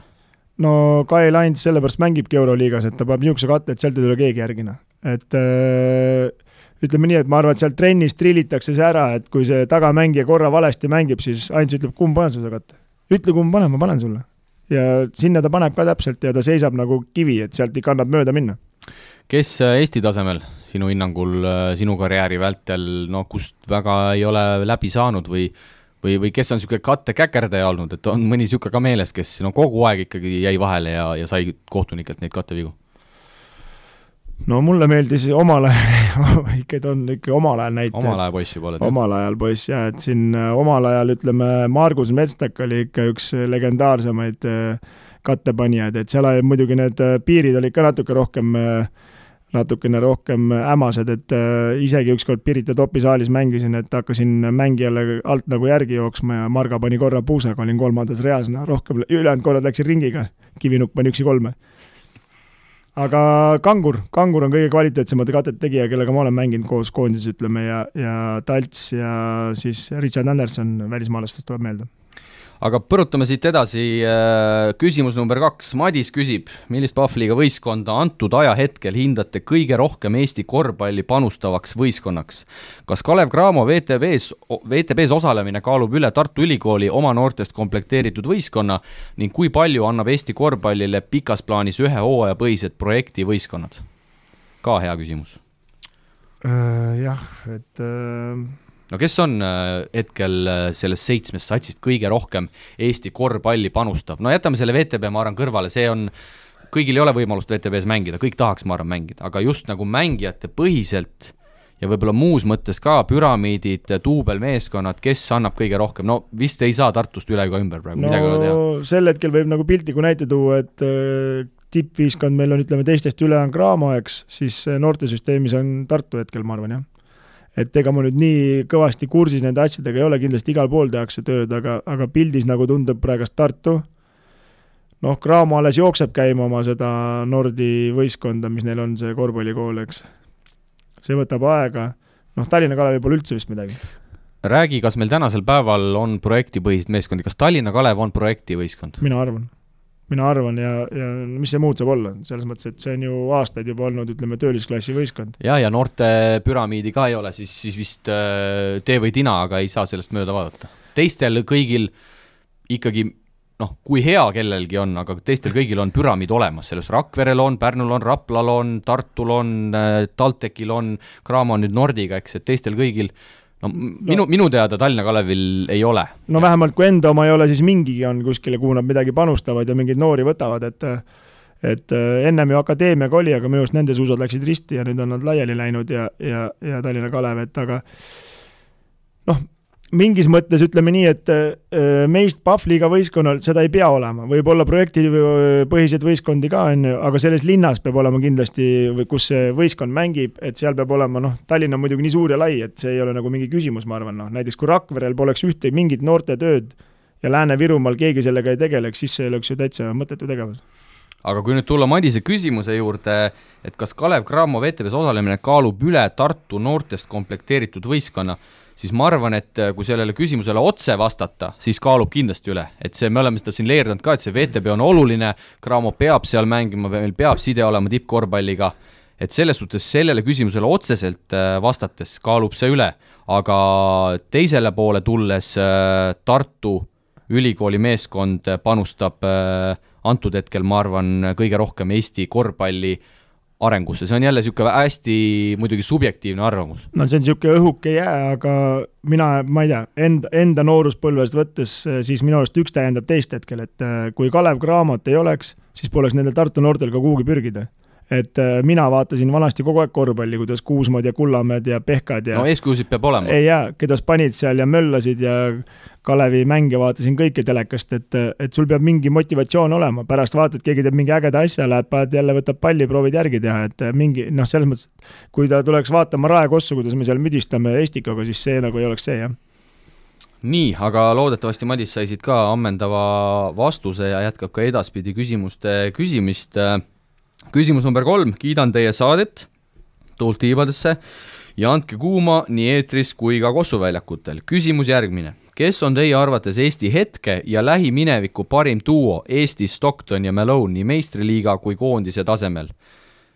ja PS, kui Rae Kossu head pikka vaja on, siis ma tean ühte vaba agenti ja küsijaks on Heiko perekonnanimega Niidas tervitused Heikole! jaa, tervised Heiko, viimase, viimase, me olime ühes toas kunagi ehitustööristus, ma mäletan, kuskil Leedus Mõn,. mõnus vend, tean ka isiklikult. väga mõnus, väga mõnus vend. pikalt ei jutustanud õhtati, et jäime varakult magama, et äh, päris huvitav küsimus, ma ei tea, ma ei, hetkel mõtlen, ma ei tea, Rainbow Metstak või näiteks hakkame tagantpoolt tulema. Valeiko Melnik ei mänginud koos või? ei, Valeiko Melnik oli ka, me ütlesime, hakkame tagantpoolt tulema okei. no ajast. jah, Rainbow Metstak, Telgma Metstak, eks, et see oli, sa ei teagi niisuguse korvpalluri. tean, ma olin saalis Jaa. ära alahinda mind jah, ja siis äh, no kui nüüd äh, Valeiko Melnik, ütleme, oli no, kindlasti räägi mingi jah enda, enda mänguajast yeah. seal varem, kui sa olid noor äh, Elegar Machado jaa, kindlasti. äh, Väga hästi klappisid. ja Linehan, kes tal, Laid oli seal all või? no, no see nii hästi võib-olla, see ei olnud niisugune, ütleme, Stockton Malone'i teema ei olnud. no kes siin üldse Stockton Malone'i välja, välja kannatab no seda küll jaa, aga no ütleme ligilähedast. ja, ja seda küll, seda küll. no koondise tasemel on meil olnud sellist, sellist head äh, nii-öelda, kes nüüd väga hästi omavahel, omavahel, kas Ma ei Müür- tea, kas- Müürsepp seal mängis mõne tagumisega niimoodi väga hästi kokku, ei tea. Müürsepp Pehka võib-olla võiks olla midagi noh no ei tule ette küll, et seal mingit ei väga mäleta, head ei no connection'it jaa, üles-alla ei ma mäleta, no see oli jah, teistsugune korvpall, et et selle peaks järgi vaatama, aga, aga noh, saad see Tanoka pöörd midagi võib-olla. pigem võib-olla Tsintsaatse Sanikitse äkki mingil määral. aga ma ei tea, Saage Anderson, Saage Allik, no Saage ei ole küll Saage, Saage Müürsepp, Saage Müürsepp võib-olla Tarvas. Äh, jah, ei, ei, et see jah, mina jah, ei ole kindlasti mingi Stockton, võib-olla Malone meil oli, aga kes meil üldse point guard oli siis Tarvas? Valmo Kriisa või Veidemann, te ju Kriisa vaheldumisi teil ei olnudki point guard, see oli selline mängujoon, siis seal ei olnudki point guard'i. ja, ja noh, ma ei tea, ega väga vist ei ole, ütleme nii, et no ütleme nii, et ma arvan, et kindlasti on, aga võib-olla kuulajatele siinkohal üleskutse, et äh, kirjutage meile, et kes, kes on äh, hetke ja lähimineviku sellised äh, Stocktonid ja Malone'id meil siin meistriliiga ja koondise tasemel, kas me Euroopast leiame mõne, Euroliigas on praegu selliseid häid duosid või? mm, no Galatis annab, aga ta annab kõigile. ta annab kõigile jah. Campazzo Tavares tegelikult, jah, ütleme Tavares on, kes annaks Malone'i, ütleme niisuguse torni välja, noh. noh, ja ütleme, et eh, jah, no ütleme samas ütleme Galates Mirotits, noh, miks mitte natukene võiks olla, noh aga. võib-olla tänasel päeval ei olegi sellist asja väga enam, et no... Kaks meest omavahel jahuvad, et no näed, Rossil ei ole pikka vaja, Ross jahub ikka kolmkümmend ei no neli. jaa, ütleme see korvpall on nii palju muutunud, et ei ole päris nii tõesti, et pannakse üks nurka, teine nurka, üks neljam-viiele ja siis ühed mängivad ainult äh, piker rolli ja siis, kui sealt midagi tekib olukordi viskamiseks, et siis tuleb, et ütleme jah, niimoodi. et vanasti oli võib-olla see, see ütleme, kui mängiti piker rolli, otsiti nagu ilmtingimata seda pikka, aga tänasel päeval pigem just otsitakse neid viskajaid sealt väljast, et võib-olla ei mängita nii palju sinna sirgjooneliselt sinna alla, et mulle nagu kuidagi meenub, et vanasti võib-olla mängiti sinna alla nagu konkreetselt rohkem. jaa, oli küll ikka jah, et ütleme nii, nii palju viskeid ei vaadatud, et põhiline oli ikkagi korvi alla pikale ja siis tagasi ja siis jälle läbi ja nii edasi, et aga jah, sest noh, võtamegi siin, eks Shane Larkinit kõik, et need on nii osavad mehed, et et jah, sellist äh, korvpall on, ütleme vastuseks Eikole, et äh, Eiko teab ise ka, jagab Kossu tegelikult väga hästi, aga et äh, korvpall on selgelt äh,, selgelt muutumas ja ja, ja nii edasi, aga, aga veel kord ütlen, et äh, kellel tuleb mingeid häid duosid, siis äh, andke meile märku ja järgmises saates äh, võtame selle, selle veel kord, veel kord ette kolm küsimust, Kristo. Marko, Madis ja Heiko, kellele me, kellele me särgi, särgi anname? sa oled niisugune aus, aus vaatleja väga head Objektiivne. küsimused, ütleme nii, et ja väga häid küsi-, väga head küsimused jäid veel varusse, see on veel parem. ja see on, ütleme, mõned olid niisugused pähklid, me peame kõvasti kodutööd et me ei olnudki, me ei julgenud See- neid võtta, et me kartsime, me jääme jänni. kindlasti jah, no kellele anname? anname Madisele. anname Madisele, Madis Koit, palju õnne, Pingsi parun. oh, see mees, kes pani selle ennustusvõistluse ka kinni või? ei, ei tema ei pannud, aga aga Madis, Madis saab särgi ja ma võin äh, öelda saladuskatte all, et Madis on väga särki oodanud, nii et nüüd ta selle saab ausalt kätte ka, kuna Kristo oli žürii. nii et Madis, võta meiega ühendust ja, ja toimetame särgi sinuni. hakkame vaikselt otsi kokku võtma, kuulsaali loos ka veel siia lõppu ja valisime siis äh, selle nädala võitjat oma Instagrami jälgijate vahel, keda on ja ka juba, omajagu tulnud ja bowling äh, kuuele inimesele, üks tund ühel rajal läheb siis Krislin Saak sulle, võta meiega samuti ühendust, toimetame kuulsaali kinkekaardi sinuni. Ja piljard neljale inimesele tund aega ühel laual, Andre Laurits, sina oled meie selle hooaja teine võitja, nii et palun kontakteeruge meiega, kas siis äh, ma ei tea, Facebookis või Instagramis või kus, kus iganes, kirjutage Kristole öö, otse või saatke talle postikiri, igatahes teie olete võidukad. no nii, kahte tundi täis ei saanud, aga, aga sinnakanti. Äh, meie saadet võib kahes osas ka kuulata, kui ei jõua järjest jaa, et siin et... võib-olla mõned, mõned on siin, ma ei tea, Kristo rääkis, et on tulnud negatiivset tagasisidet selles osas, et et saade on liiga pikk, aga mina arvan ka, et nädal on ju pikk aeg ja kuulad kahes-kolmes osas, et ma ei tea, pigem kõik jutud saaks räägitud, kui et hakata siin midagi tagasi hoidma, aga muidugi on ka neid olnud, öelnud, kes öelnud, et pange kas või kolm tundi, et neile meeldib nojah, mõndadel on rohkem aega, mõndadel vähem, aga äkki leiame ikka aja ja, ja kuulame, kui on, mida kuulata, ma ei tea, enda arust teeme ilusat asja ja proovime jätkata. jaa, ja järgmisel nädalal siis äh, peaks siia stuudiosse, Mantamaja stuudiosse tulema taas üks stuudiokülaline. aga ma arvan, et me ei ütle, kes see on, me ikkagi hoiame pinget nii palju, kui meil seda pinget see saade tekitab aga no, tuleb nii, ekspert, tuleb ekspert. no ütleme nii, et konkurents, kes siia tahavad tulla, on väga palju, et me peame valima, et siin päris nii igaüks ei saa uksest sisse tulla. ja ega et... täpselt nagu sa juba ütlesid, ega mängumeeste sekka igaüks päris, päris ei saa ka. no kindel see. jah, aga see oli naljaga muidugi mõeldud, ega me endast nüüd nii hästi ka ei arva, okei okay, äh,, mina küll arvan, sina jah, sina ennast mängumeeks seal lugeda, aga mina küll arvan. Äh, tuli pikk saade, tõmbame otsad kokku, äh, soovime, soovime kõigile mõnusat sügise algust, nii mõnus, kui see vihmane ja külm sügis olla saab ja kohtume juba järgmisel nädalal. põnevaid kohtumisi. kohtumiseni. korvpall on meie mäng, mille harrastamisel ja jälgimisel võib tekkida hea tuju ja tunne. enne saali minemist pea nõu sõbra või elukaaslasega. platsil näeme Mikk-Mikk. ega edu pole jänes, mis seest ära jookseb. ärid on edukad Hammerheadi majades